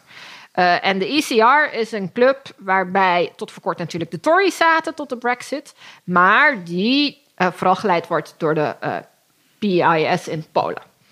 En die Polen, dat zijn hele nationalistische katholieken. Heel conservatief. En zij hebben allerlei partijen om zich heen verzameld in het Europees Parlement die dat ook zijn. Dus moet je denken aan Vox in Spanje bijvoorbeeld. Tegen abortus, tegen eh euthanasie, eh, allemaal eh, traditionele waarden, gezin, hoeksteen van de samenleving, et cetera, et cetera. Een van de beetje vreemde eenden in de bijt binnen die groep is het Forum. Omdat we niet zo goed weten hoe conservatief het Forum nou is. En, en Forum blijft daar zelf ook een beetje onduidelijk over doen. Het ene moment zijn ze dat wel, het andere moment niet. Ehm, maar zij delen wel degelijk een conservatisme samen. Maar dat conservatisme is iets van een subgroep van radicaal-rechtse partijen. Ja, ik Er zijn ook genoeg radicaal-rechtse partijen, een aantal van de Scandinavische partijen, die eigenlijk helemaal niet zo conservatief op die ethische issues zijn. Want dat is echt wat ze met elkaar delen. Ik heb en dat is eens- natuurlijk ook wel heel logisch. Ehm, want eh, op dat soort vraagstukken gaat dat nationalisme heel erg meespelen. Dus wat is jouw nationale identiteit over ethische vraagstukken? Nou ja, die is in Zuid-Europa, waar katholicisme gewoon nog steeds dominant is, heel anders dan in, in Noord-Europa, waar er toch een soort liberalisme, ja, niet in economische zin, maar in de zin van individuele vrijheid, dominant is. Ik heb hier wel eens over geschreven eh, voor het Parool. Omdat wat ik... Ik ken Annabel Nanninga natuurlijk al heel lang uit mijn tijd bij eh, De Jaap. eh, lang, lang geleden. Eh, Stürmer, ja. en eh, en eh, ik heb dat, dat, dat, dat, die online hoek natuurlijk heel erg in de gaten gehouden. Wat ik heel interessant vind, is dat toen ehm, eh, De Jaap was en geen stijl per hoogtepunt was... ehm, was het een ontzettende atheïstische internetbeweging. Ehm, met echt radicaal atheïsme er heel erg in. En dat zat ook in de alt-right, eh, die later is opgekomen. Die is heel erg vermengd met die achterban van eh, Geen Stijl en voor een deel ook van de Jaap. En op een gegeven moment ging Thierry eh, verschuiven naar verhalen over het gezin als hoeksteen van de samenleving. Wat heel raar is, omdat het zo in tegenspraak is eh, met die internethordes eh, in Nederland. En je ziet dan dat het een beetje gemasseerd moet worden. En dat er een heel raar huwelijk met, eh, met de christenen wordt gelegd. Wat eigenlijk onmogelijk leek. Maar ik weet voor mij in ieder geval dat ik op een gegeven moment iets twitterde over die SGP-vrouw die op de kieslijst hier in Amsterdam stond. Dus ik vond daar wat van. En toen kreeg ik in één keer die mensen over me heen die voorheen dus heel atheïstisch waren en dus ook anti-SGP waren geweest. En nu in één keer op mij doken, bad feminist. eh, dit mag je in deze, op deze manier niet zeggen. En ik vraag me dus altijd heel erg af, Wat zou Annabel dan vinden? Want ik kan me niet voorstellen dat Annabel nu in één keer tegen abortus is. En uh, uh, dat. Nou, en zij, als zij, je luistert, zij haalde weten. altijd uit naar de uh, kwakzalvers. Daar schreef ze toen stukjes over uh, op de Jaap. Dat was haar ding tegen pseudo-wetenschap. Maar goed, ja, Annabel, vertel het me. Je hebt mijn nummer. Ja, er, er, zijn hier een aantal dingen aan de hand. Eén, Thierry Baudet is altijd conservatief geweest. Al zijn geschriften gingen over het conservatisme. En hij heeft zich ook, uh, ook al gedurende zijn proefschrift laten inspireren door allerlei uh, conservatieve denkers. Uh, nou, recent onder overleden natuurlijk Roger Scruton. Um, twee, er zijn twee ontwikkelingen geweest binnen radicaal rechts die dat conservatisme meer naar de voorgrond hebben gebracht. Eén, omdat men verschoven is van een algemene anti-migrantenagenda naar een anti-islam-agenda, deels. Is het christendom de logische tegenhanger geworden van, van die islamkritiek. Dus Europa en Europese waarden en geschiedenis werden gedefinieerd door het gedeelde christendom van Europa. Terwijl het eerst was dat atheïstische, dat radicaal ja. atheïstische, was ook een uh, verkapte manier van islamkritiek tussen aanhalingstekens. Ja, ja. Dat, was, dat was de liberale kritiek. Ja, maar dat ja, is, alle, dat is... alle, alle gelovigen zijn idioten, dus ook de moslims. Daarom ben ik tegen moslims, ja. Ja, maar dat is dus verschoven naar een, een, christelijke invulling. Van wij delen met elkaar een, een joods-christelijke traditie in Europa. Dat is waar onze wortels liggen. Uh, nou ja, dan krijg je verwijzingen naar de kruistochten, allemaal dat soort dingen, om dat historisch in te vullen. Het tweede wat er natuurlijk gebeurd is, is uh, dat, uh, dat het een, een, een hele sterke antifeministische, misogyne uh, invulling langzaam heeft gekregen. Dus die, die tegenstelling tussen mannen en vrouwen is steeds sterker geworden. En, dan uh, hebben we het over de invloed van mensen als Jordan Peterson en zo natuurlijk in dat denken.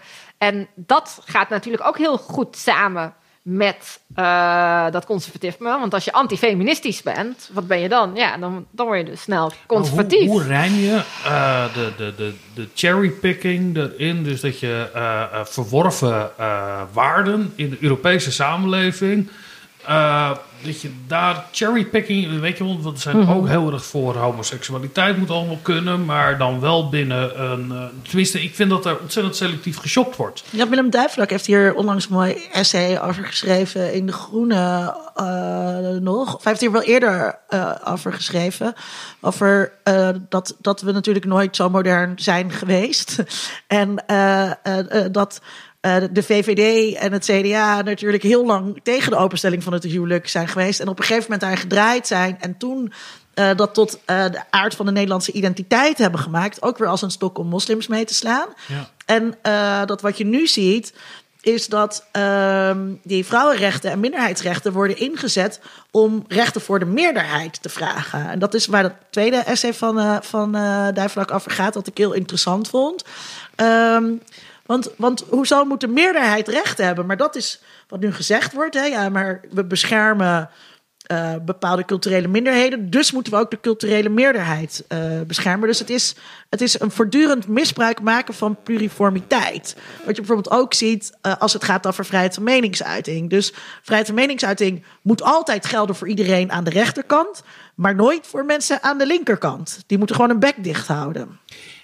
Ja, en, en wat bij opvalt bijvoorbeeld als het gaat over feminisme, dat er vanuit een perspectief van de vrijheid van de vrouw het standpunt wordt ingenomen dat je dus ook heel conservatief uh, een, een, onderworpen vrouw binnen een traditioneel ge, een conservatieve relatie weer mag zijn. Dat je daarvoor op mag komen, dat je vindt dat er verschillen zijn tussen man en vrouw en vrouwen gewoon veel beter Waarbij er altijd stroop op... Uh, waarbij er altijd stroop op uh, feministen uh, ja, zijn. Worden, ja, want die... ik ken geen feministen die zeggen dat je geen moeder mag zijn. Nee, maar... En ik ken ja, best veel dus, feministen. We zitten elkaar gelijk te geven nu, dan wordt het saai. Uh, uh, maar dat, dat hele Ja, zal ik dan gewoon weer verder met mijn... Met mijn oh ja, ja want dat, dat ik wil nog weten mag wat ik dat... nog oh, één ja, ding over ja, dat selectieve ja. zien? Kijk, op dit soort thema's zien we ook wel een grote kloof tussen de retoriek En het daadwerkelijke stemgedrag als je in het nationale parlement of, of in het Europees parlement gaat kijken. Want daar, eh, zeker in het Europees parlement, wordt het nog veel duidelijker. Daar onthouden deze partijen zich gewoon van stemming op dit soort eh, thema's. Zelfs als het gaat om een, een, een prijs die uitgereikt moet worden aan een uh, uh, homorechtenactivist of iets dergelijks. Of ze stemmen gewoon tegen. Eh, dus dat is vaak niet in lijn met de retoriek die ze hebben over eh, eh, gelijke rechten Ja. voor verschillende groepen, als zijnde een wezenlijk onderdeel van, van de Europese identiteit. Ja, ik had nog een tweede, eh, de tweede vraag lag nog open. Wat is die illiberale democratie die zij Ja, voorstaan? het, het is een beetje lastig dat we liberalisme en liberaal voor heel veel verschillende dingen gebruiken. Dus we hebben liberalisme in sociaal-economische zin, dus rechts sociaal-economisch beleid. Eh, we hebben liberale, eh, prins, eh, liberale standpunten over ethische vraagstukken. Die gaan Liberals. over eh, liberals, individuele rechten. En we hebben de liberale democratie, namelijk de democratie die gekoppeld is aan een functionerende rechtsstaat. Nou ja, die liberale democratie verwijst dus naar dat laatste. Het is een democratie waar nog wel verkiezingen zijn, maar waar die verkiezingen niet meer in een context van een echt goed functionerende rechtsstaat eh, plaatsvinden. Dus eh, Polen en Hongarije worden inmiddels als illiberale democratieën Oh, het is gezien. geen ideologisch streven van dit soort eh, nationaal-conservatieve clubjes. Jawel, Orbán noemt het zelf Ja. toch? Hij zegt is, zelf... hij zegt gewoon openlijk dat hij schrijft, streeft naar een illiberale democratie. Dit is openlijk, hij vindt een liberale democratie vindt hij geen goed eh, ding, geen goed model van besluitvorming.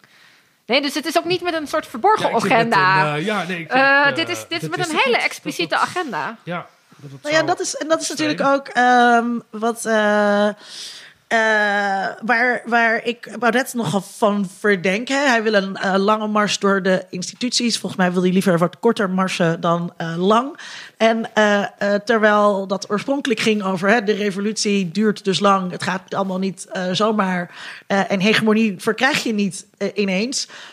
wil Thierry dat allemaal redelijk snel. En hij wil ehm, dus eh, mensen in de media vervangen. Hij wil mensen aan universiteiten eh, vervangen om zijn standpunten het nieuwe normaal te maken.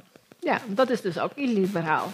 Dat is ook, waarom is dat illiberaal? Leg het nog even uit voor de mensen in de back. Nou, omdat een, een democratie kan alleen maar functioneren als eh, alle tegenmachten, dat is de media natuurlijk, macht is tegenmacht, eh, wetenschap is ook tegenmacht, want dat is ook speaking truth to power, eh, als die vrij zijn om hun eigen keuzes te maken. En dat betekent dus ook eh, met name hun eigen personeel aan te nemen en hun eigen beleid te. Natuurlijk binnen de kaders van het regeringsbeleid. Ehm, maar er moet een, een zekere mate van autonomie in al die terreinen zijn om e- echte vrijheid eh, te hebben. Vincent werkt als links, of eh, maar- Vincent maar, werkt eh, als maar, witte eh, maar, hetero, eh, hetero eh, man aan een universiteit vol met vrouwen. Me- Mevrouw de professor, kijk, als die universiteiten gewoon linkse bolwerken zijn waar rechtse meningen niet gehoord worden of terzijde worden geschoven en wij alleen maar D66-rechters hebben, dan is dit standpunt niet naar een illibera- illiberale eh, democratie. Het is juist de bevrijding om tot een liberale democratie te komen. Ja, dan, dan wordt daarin, ik bedoel, dit is een standpunt dat natuurlijk heel, heel populair is op dit moment, maar daar wordt een fundamentele denkfout gemaakt. En dat is dat universiteiten, eh, de media, eh, de rechterlijke macht, dat die net als ons parlement eh, een afspiegeling van de samenleving zouden moeten zijn. En dat is helemaal niet zo. Eh, omdat daar binnen allemaal professionals werken waarvan verwacht mag worden eh, dat zij binnen de ethiek die binnen hun beroep bestaat, hun werk doen. Dus dat rechters binnen de afgesproken regels van de rechtspraak onafhankelijk recht spreken, dat wetenschappers eh, onderzoek doen binnen de afspraken die wij hebben over onderzoeksmethode en theorie. Eh, en dat journalisten ook via hun codes die ze hebben over horen en wederhoor en dergelijke functioneren. Het zijn die afspraken die binnen die eh, beroepsgroepen zijn gemaakt, die zorgen voor de interne checks en balances. Ja, maar ik kan me zo goed voorstellen als je daar geen toegang toe hebt, om welke sociaal-cultureel eh, reden dan ook, dat je denkt, ja, het systeem klopt dus gewoon niet. Hoe kan het dat er, wij hebben de discussie natuurlijk ook wel eens gehad binnen eh, media- en cultuurwetenschappen, moet je daar ook ruimte bieden voor, voor moeten, we, moeten we ook niet eens een keer naar hè, ons curriculum kijken, zijn we daar niet... Moeten we het curriculum niet alleen maar in, eh, decoloniseren, maar we ook, moeten het ook uh, ontleniniseren en To- toegankelijkheid toegankelijkheid is sowieso eh, eh, eh, een belangrijk aandachtspunt. Hè? Want dat geldt, dat geldt ook voor de politiek. Als je kijkt naar de samenstelling van het parlement en dergelijke, daar schot nog wat aan. We weten ook dat voor, voor alle beroepsgroepen die we net genoemd hebben, dat mensen waarvan de ouders niet hoger opgeleid zijn, nog steeds een afstand hebben om, om toegang te krijgen. Dus aan die toegankelijkheid moeten we nog heel veel doen. Aan de inhoud moeten we ook altijd werken. Maar vind je- vind je het- het- even een heel concreet. eh, eh, nou, binnen de Universiteit Utrecht wordt veel nagedacht over diversiteit en inclusie, Ja. zoals alle universiteiten. En een van de dingen die we zien is dat mensen van kleur gewoon ondervertegenwoordigd zijn bij eh, heel veel faculteiten. Niet Ja. alle, maar eh, zeker is daar een ondervertegenwoordiging. Kan er nog een hele discussie over hebben, over de VWO-scholieren in de regio. Of, maar eh, het, standpunt is dat dat eh, meer inclusief en meer divers zou moeten zijn. Een van de, om dit beleid ook te onderbouwen, werd moment ook ergens gezegd. Ja, maar het gaat niet alleen maar natuurlijk over mensen van kleuren, wat dan ook. Het gaat er ook over die jonge mensen die eh, hele rechtse, die misschien wat rechtser in het spectrum zijn, die ook gehoord moeten worden. Bijvoorbeeld in hun kritiek op de islam, dat ze dat niet ervaren als een religie, maar als een ideologie. Of dat ze eh, eh, een verweer hebben tegen duurzaamheidsdoelstellingen die er eh, zijn binnen de Universiteit Utrecht, dat ze dat radicaal mogen afwijzen en niet mee willen doen. Ik, ik chargeer nu even, maar ik verzin Ja. over werkdiversiteit en inclusie. Maar er, er lopen daar een aantal dingen door elkaar. Ja, ik wou, ik wou het wel even kort houden, Vincent, want dit is Ja, een, maar dit is een wel een heel aflevering van een belangrijk- andere, een andere Dit is een aflevering. is dat, belangrijk ja. debat, want dit raakt aan de kritiek die radicaal rechtspopulistische partijen hebben op de wetenschap en op de media Ja. en dergelijke. Kijk, er- er spelen hier een aantal dingen. Eén, ehm, alle studenten moeten zich welkom voelen aan de basis. En Ook het- de rechtse sneeuwvlokjes heb ik laatst opgeschreven. Nou ja, kijk, eh, wij hebben recent op de universiteit daar ook een aantal debatten over gehad. En er zijn studenten, die, rechtse studenten, die vertellen dat ze gewoon de hele tijd onheus bejegend worden of uitgelachen door medestudenten. Nou ja, dat is een issue. Dat moeten we adresseren. Dus dat op niveau van studenten. Iedereen moet zich welkom vormen. Op niveau van staf moeten we er zorg voor dragen dat iedereen die gekwalificeerd is, maar eh, een achterstelde positie op een of andere manier, een afstand heeft tot de wetenschap, dat die wel eh, toegang krijgt. En dat geldt voor mensen met een migratieachtergrond.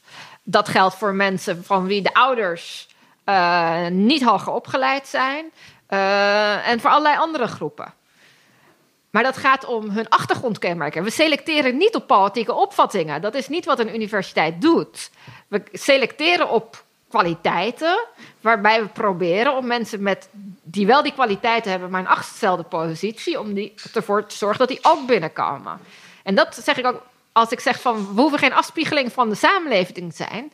We hoeven geen afspiegeling te zijn van de samenleving in termen van politieke opvattingen, want die zijn in principe niet relevant voor het onderzoek dat we doen. Vincent wil hier nog heel veel dingen over zeggen, maar Ja, dat ik- mag in een ik- komende ik- ik- ik wil aflevering. Nee, Vincent, mag in een komende aflevering, want we gaan met Meindert Venema ook praten Oeh, dit seizoen nog dat wordt spannend. over dissonante stemmen in de media en in de wetenschap. Ik wil even blijven bij ehm, de ehm, media.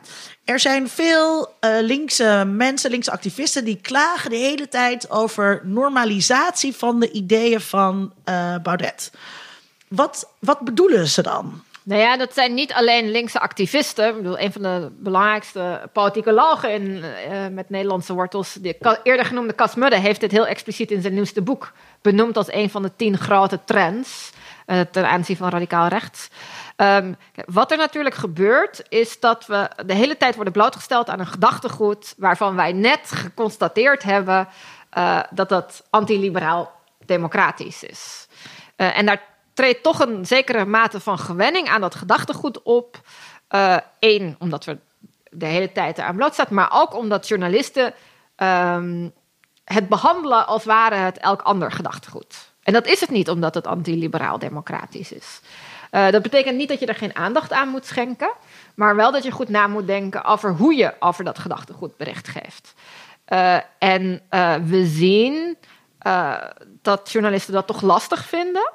En dat Nederland daarin ook wel een beetje. ehm, Achterloopt is een groot woord, maar anders is dan landen om ons heen. Dus je ziet in die gedragscodes waar we het over, al over hadden voor journalisten, uh, dat uh, in Vlaanderen, in Duitsland, in Luxemburg, dat daar expliciet iets staat over hoe je omgaat met radicaal rechtse pop, politici, partijen, hun gedachtegoed. hoe je dat doet als je een, een debattafel hebt, wie je erbij zet. of je experts ook in een krantenstuk opneemt om iets in te kaderen en dergelijke. Daar is gewoon iets meer over nagedacht dan in Nederland. In Nederland hebben we dat niet zo gedaan. Um, en ik heb de indruk, ondanks dat dat ik dat natuurlijk niet helemaal hard kan maken, dat dat toch veel met het Fortuynrevolutie te maken heeft. Sowieso. Ja. Uh, alles is, uh, er is veel, in de media is veel tot die revolutie terug te voeren. Uh, journalisten hadden natuurlijk echt het gevoel dat ze iets heel fundamenteels gemist hadden.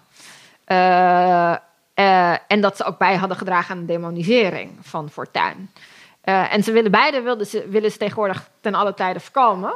Waardoor ze toch misschien af en toe uh, ook naar de mening van deze politicoloog wat kritiekloos uh, te werk gaan ten aanzien van het uh, radicaal rechtspopulisme. Maar misschien nog wel erger tegenwoordig ook ten aanzien van het extreemrechts gedachtegoed en extreemrechtse activisten. Ja. Dus een heel, heel mooi voorbeeld. afgelopen jaar toen heeft Radio Rijnmond, heeft uh, activist Ben van der Kooi, die toch verschillende veroordelingen op zijn naam heeft, hebben ze een uur lang in een praatprogramma uh, gezet. Uh, zonder enige tegenspraak. Dus hij was gewoon in, in gesprek met de presentator. Zonder dat daar echt heel duidelijk gekaderd werd met wie we nu eigenlijk te maken hadden. En hoe we zijn gedachtegoed moesten begrijpen. En ja, daar gaat toch wel een zekere legitimatie van uit als je dat op die manier doet. Ja, uh, mooi onderzoek ook van uh, Leonie de Jonge van uh, Rijksuniversiteit Groningen.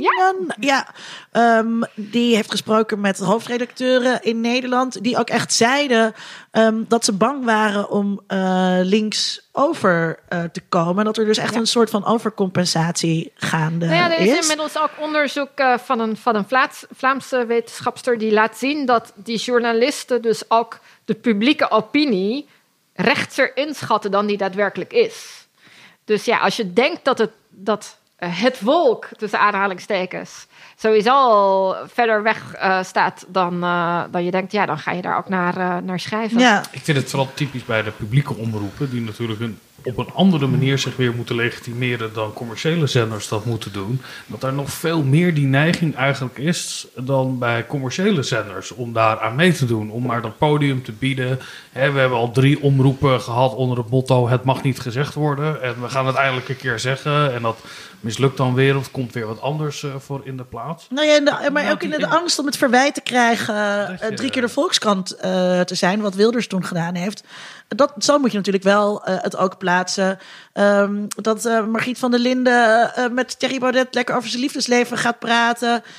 in een volstrekt kritiekloos interview en voor de rest niks doet.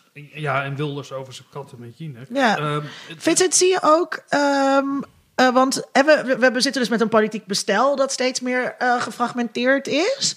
Uh, kleine partijen, moeilijker om coalities te vormen.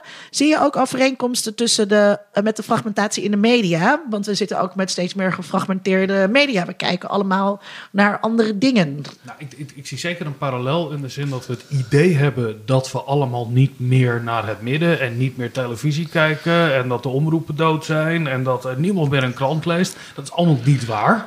Zoals ook 80%, nou laten we zeggen 70% op de grote traditionele partijen nog altijd stemt. Dus het idee of de, het, dat? dat? Dat we in tijden van nou ja. revolutie leven of grote veranderingen is niet waar.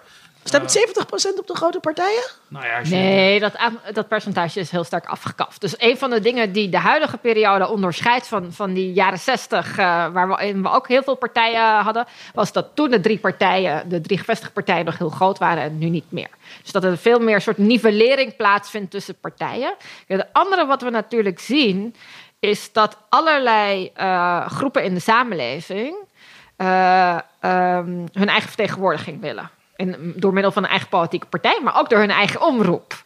En uh, de, de Amerikaanse politicoloog Herbert Kitchell heeft dat wel vrij aardig omschreven. Hij zegt van ja, Vroeger hadden we gewoon een, een warenhuis. En denk je VND in en daar kon iedereen wat van zijn gading vinden. Dat, daar waren eh, productlijnen die wat goedkoper waren en wat duurder. Eh, iedereen, iedereen gelukkig. Ja, en we zijn gewoon naar een soort boutique model van politiek gegaan. Misschien ook wel van media, dat noemt hij er niet bij, maar het zou wel kunnen.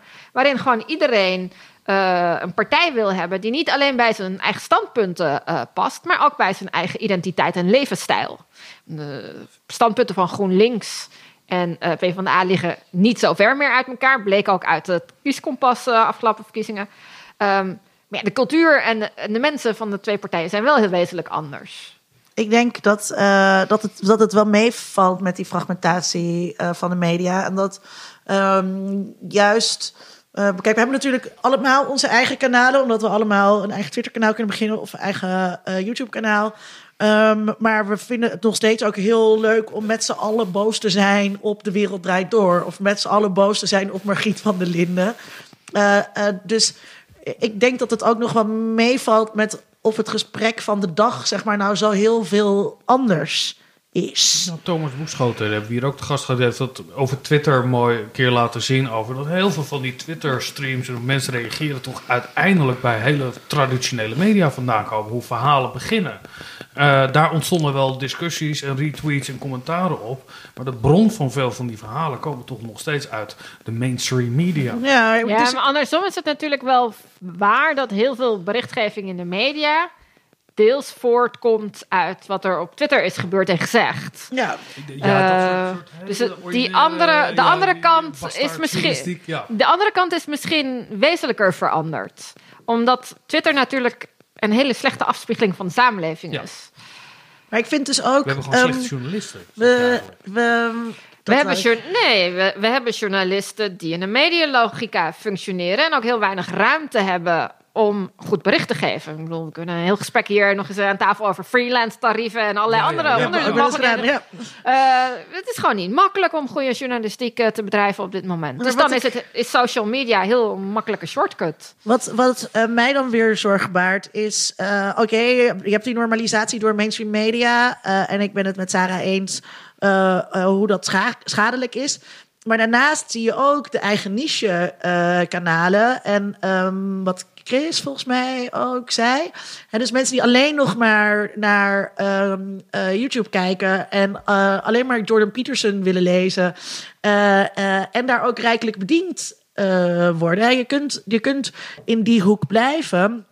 Um, en dat is wel. soms lees ik reacties van mensen op Twitter. En dan denk ik, in, in wat voor wereld leef jij? En dat zijn dus wel mensen die niet meer kijken naar de wereld draait door. En niet kijken naar Margriet van der Linden. En dus nooit uh, uh, een tegengeluid geluid horen. Want die zoeken op YouTube naar wat ze daar willen vinden. En YouTube schakelt ze, uh, of hoe noemen we dat? Schotelt ze. Ehm, dankzij het radicaliseringsalgoritme steeds weer ergere dingen toe. Nou ja, het, het dat, dat is echt een hele kleine groep. Weten we inmiddels uit onderzoek. Die, dat zijn echt de, de extreme van de flanken. Die echt in, in zo'n echoput zijn gevallen. Um, kijk, wat veel lastiger is, is dat er heel veel mensen zijn die nog wel die uh, mainstream media consumeren.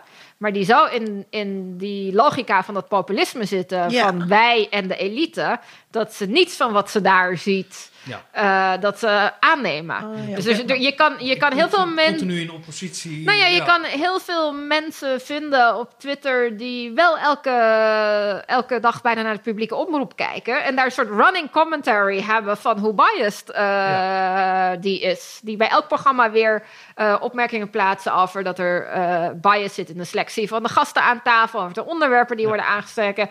Over de vragen die de presentator stelt. En die de hele tijd uh, in die logica kijken en consumeren.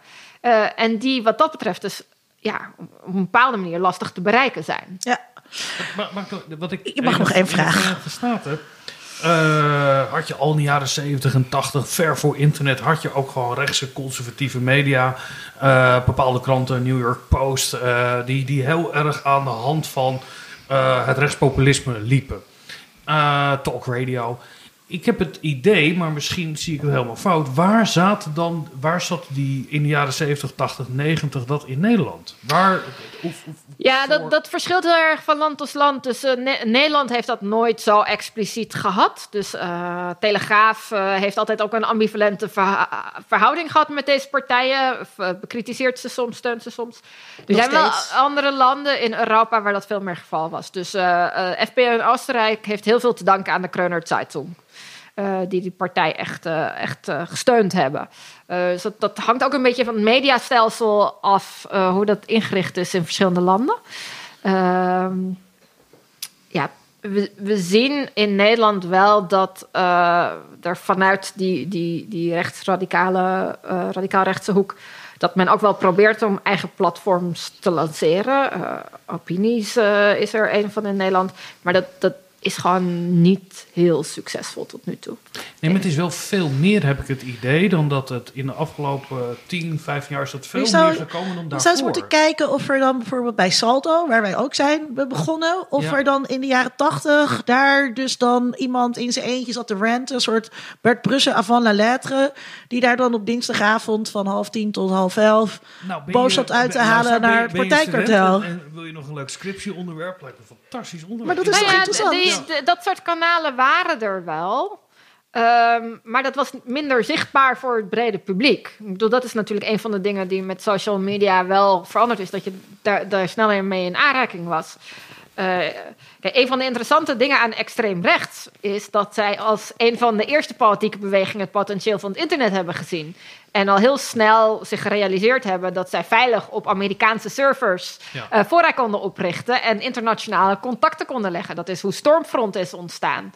En dat was echt, eh, echt iets heel in- innovatiefs. Eh, dus daar gebeurde in die hoek al heel veel, maar het was heel duidelijk afgeschermd van, van de rest van de wereld. Maar ook omdat en dat is veranderd. We hebben toch ook andere wetten als het gaat over nazi-symboliek gebruiken. En dat, bij, bij ons is de vrijheid van meningsuiting toch ook beperkter dan in de VS. Ja, dus Ja. dat was de reden dat die servers zaten altijd, eh, die websites waren altijd geregistreerd in de VS. Ook als ze primair eh, gerund werden door Europeanen en primair Europese activisten trokken. Ja. Ja, maar zat zo'n Nederlands hoekje op Stormfront. Ja. Dat weet ik nog wel. Ja, dat is ook het, eh, Ehm, Sarah, hoe bestand is onze democratie tegen deze groeperingen? Ehm, Ik herinner me in, eh, eh, van mijn studie, eh, ik volgde een vak over democratie met vijf andere studenten bij Meijnerd Venema. En, en toen ging het natuurlijk over deze vraag. Hè, hoe Ja. bestand is de democratie tegen antidemocratische groeperingen? nou, in- inmiddels zi- zijn we daar minder zeker van dan in de tijd dat jij studeerde. In de tijd dat jij studeerde was het een soort democratie is verworven, daar hoeven we niet zoveel meer aan te doen. Eh, iedereen heeft de les van de Tweede Wereldoorlog geleerd, gebeurt nooit meer. Dat idee is wel weg. Tegelijkertijd zie je toch wel dat er eh, een heel belangrijk verschil is tussen eh, geconsolideerde democratieën, zoals wij die in West-Europa hebben, waar de democratie echt sterk verankerd is, al decennia lang. En democratieën waar democrat, eh, landen waar de democratie nog relatief nieuw is, Oost-Europa, Latijns-Amerika, die blijken toch een stuk kwetsbaarder. Eh, democratie moet je ook leren, daar gaan een aantal generaties overheen. En er is een groot verschil tussen landen waarin eh, radicaal rechtspopulistische partijen absolute meerderheid halen. En dus niet gedwongen worden coalities eh, te vormen. En landen waarin ze als onderdeel van een coalitieregering aan de macht komen. Nou ja, wat dat betreft zitten wij met ons proportionele kiesstelsel wel goed. Daar zal altijd die noodzaak blijven bestaan. Ja. Dus ja, wij, we zitten in de meest veilige positie die we ons kunnen voorstellen wereldwijd. Maar tegelijkertijd zien we ook hier dat, dat eh, de liberale democratie wel eh, op bepaalde punten aangevallen wordt. Vincent, denk Maar- je dat maar- we maar dingen moeten doen om ze te stoppen? Nou, ik, wat je vaak hoort is dat er dan eh Forum voor Democratie komt op. Dat is een bedreiging voor de VVD. Dus wat gaat de VVD doen? Die neemt bepaalde standpunten over. Hè? Ja. Dus dat je het absorbeert eigenlijk de flanken daarin. Eh, dat wordt vaak dan op eh, kritiek wordt er gegeven. Hè? Ze worden rechtser. Vind je dat een, eerder een garantie eigenlijk voor dat soort extremisme geabsorbeerd wordt in een bredere partij? Of is dat het begin van het einde? Nou ja, het, je kijk, mag het, kiezen. het ligt eraan wel, welke ideeën worden overgenomen. Dus uh, een, een, uh, een, iets opschrijven in, in migratiebeleid is op zich niet erg. Mijn zorg zit erin dat ze dat ook doen als het aankomt op democratie. En het is echt ongelooflijk belangrijk dat politici recht voor de liberale democratie staan. Ik weet niet, zijn we bijna aan het einde gekomen, denk ik? Nou, dan wil ik heel graag afsluiten gewoon met mijn favoriete quote op dat gebied van Karl Popper. Uh, ook uh, bijzonder ondergewaardeerd en, en nog steeds relevant. Die zegt gewoon: Institutions are like fortresses. They should be well designed. En they should be well meant. Het gaat om eh, de mensen die uh, de democratie uh, bevolken, die die uh, bemensen, onze vertegenwoordigers. En zij moeten elke keer als er iemand de, de bijl zet aan de wortel van de liberale democratie zeggen: nee, dat kan niet. Hier is de grens. En dat is mijn zorg op dit moment dat dat vaak niet zo expliciet wordt uitgesproken. Ja. Ik bedoel, het parlement heeft nu een commissie ingesteld die gaat kijken naar de relatie tussen politiek en rechterlijke macht. Ja, dat is niet zo'n verstandige move in dat opzicht. Nee. Ja, ik vind. Ik vind uh, dat je dat. Ja, dat, ja, ja. Dat, dat Adorno die, die doet dus hele prachtige, concrete aanbevelingen over wat we, wat we hier uh, tegen kunnen Um, doen. Uh, hij zegt, je moet appelleren aan reële belangen. Je moet duidelijk maken dat het om projecties uh, gaat. Dat, um, uh, dat degene tegen wie men tekeer gaat niet gedoodverfde vijanden zijn. Nou ja, dat is nog een heel verhaal. En hij zegt, we moeten de trucs waarover ik heb gesproken concreet maken. Er stevige namen op plakken. Ze nauwgezet beschrijven. Duidelijk maken wat de implicaties ervan zijn.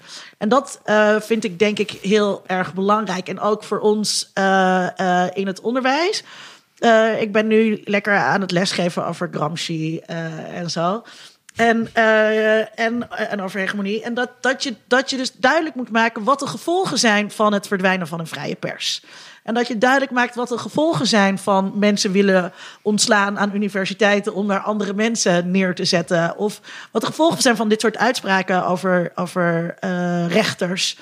Um, en daar, uh, ik schrok namelijk toen ik dat in dat NRC-stuk, ik had dat namelijk niet eerder zo zien staan. Ze willen de liberale democratie vervangen. Uh, en dat is denk ik iets um, uh, wat wel weer nieuw, dat was voor mij in ieder geval nieuw, dat had ik niet eerder zo gehoord. Omdat ja, maar het interessante is natuurlijk de, die boer die Vincent aanhaalde. Die zei van ja, electoraal gezien zijn we als boeren altijd een minderheid. Ja, dus die liberale democratie is er juist voor jou. Die is er om die minderheden toch uh, rechten te geven. Uh, en, en dat vergeten uh, mensen vaak. Ja. Wat, wat ik zorgelijk vind, is dat als je in, in, een langdurige tijd van vrede leeft, dat je historisch gezien, ik zeg niet dat er is, geloof ik, laatst weer zo'n proefschrift verschenen, waar je op een of andere atoommodellen wordt gezegd: we gaan in 2030 weer ten oorlog. Maar dat de vervreemding die er is van een werkelijkheid waarin het niet zo uh, meer zo functioneert, voor hele generaties weg is. Uh, ik, heb, ik ben in, uit 75. Ik heb een, een, een, een tijden van. Er zit altijd weer een aantrekkelijkheid in oorlog als je niet weet wat dat was. Het is enorm aantrekkelijk. Daar hebben we te weinig over gehad. Hoe ontzettend fijn het is. Uh, kijk, ik ben, ik ben een witte man. Ik kan me heel goed voorstellen als jij ook gewoon een beetje boos bent en je hoort er niet helemaal bij. En, en, en om in een daad van, van macht en agressie. En dat je ook stemt op iemand die een beetje een hufter is.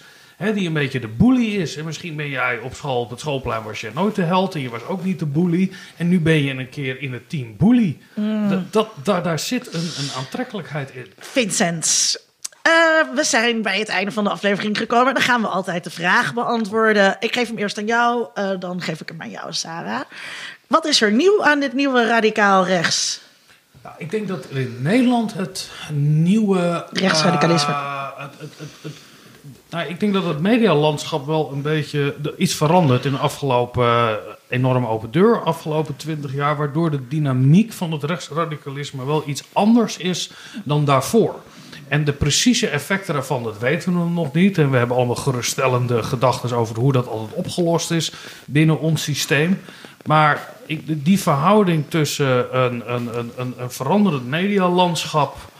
Dit hebben we, als het medialandschap verandert, zien we ook dat de politiek wel eens dingen kunnen veranderen. waardoor we buiten die kaders van nou, 20, 10 procent eh, eh, komen. En dat, dat, dat, vind ik, dat vind ik het zorgelijke De ervan. mediawetenschapper legt de nadruk op de media. Sarah, wat is er nieuw aan dit nieuwe rechtsradicalisme? Eh, voor mij is het meest interessante dat er op dit moment plaatsvindt, is eh, eh, de verdwijnende scheidslijn tussen extreem en radicaal rechts. Omdat dat ook extreem rechts salonveiliger maakt.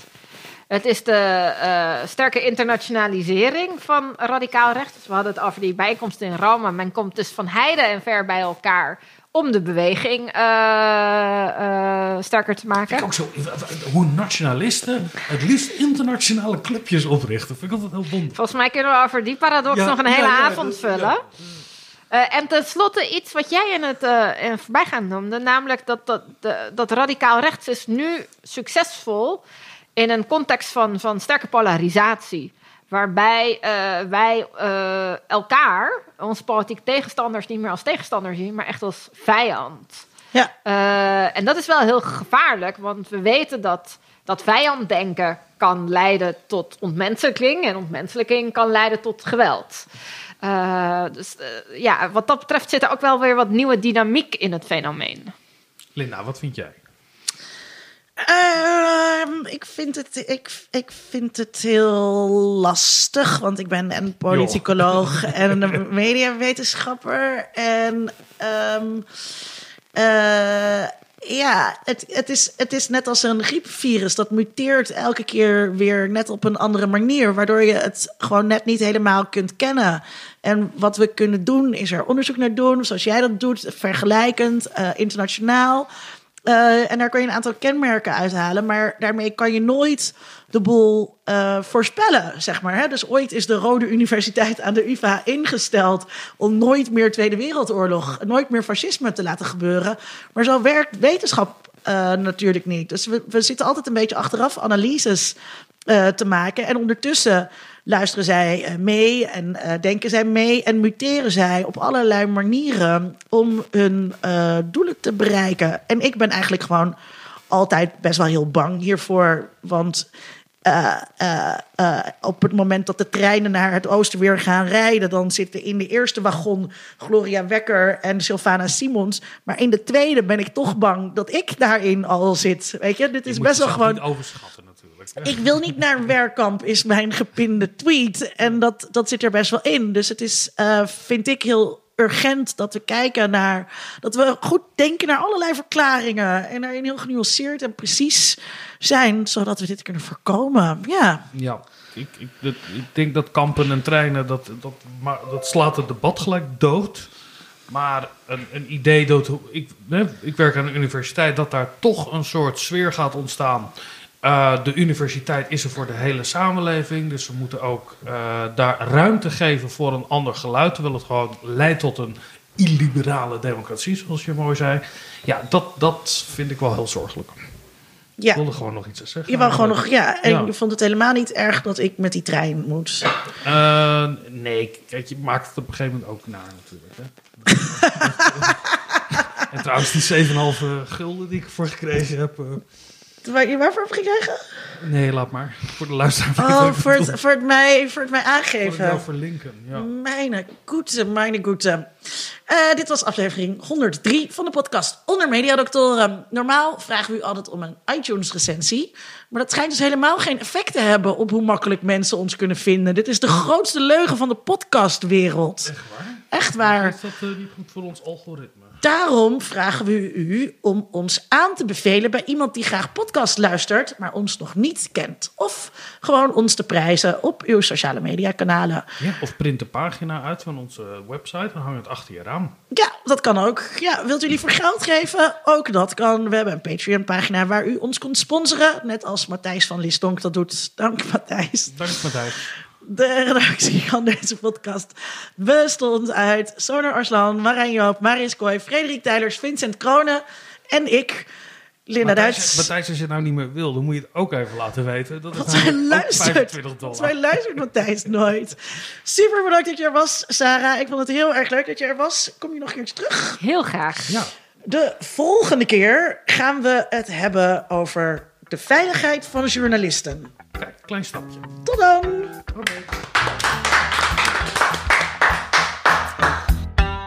Onder Mediadoktoren is een podcast van Vincent Kronen en Linda Duits. Meer informatie vindt u op ondermediadoktoren.nl.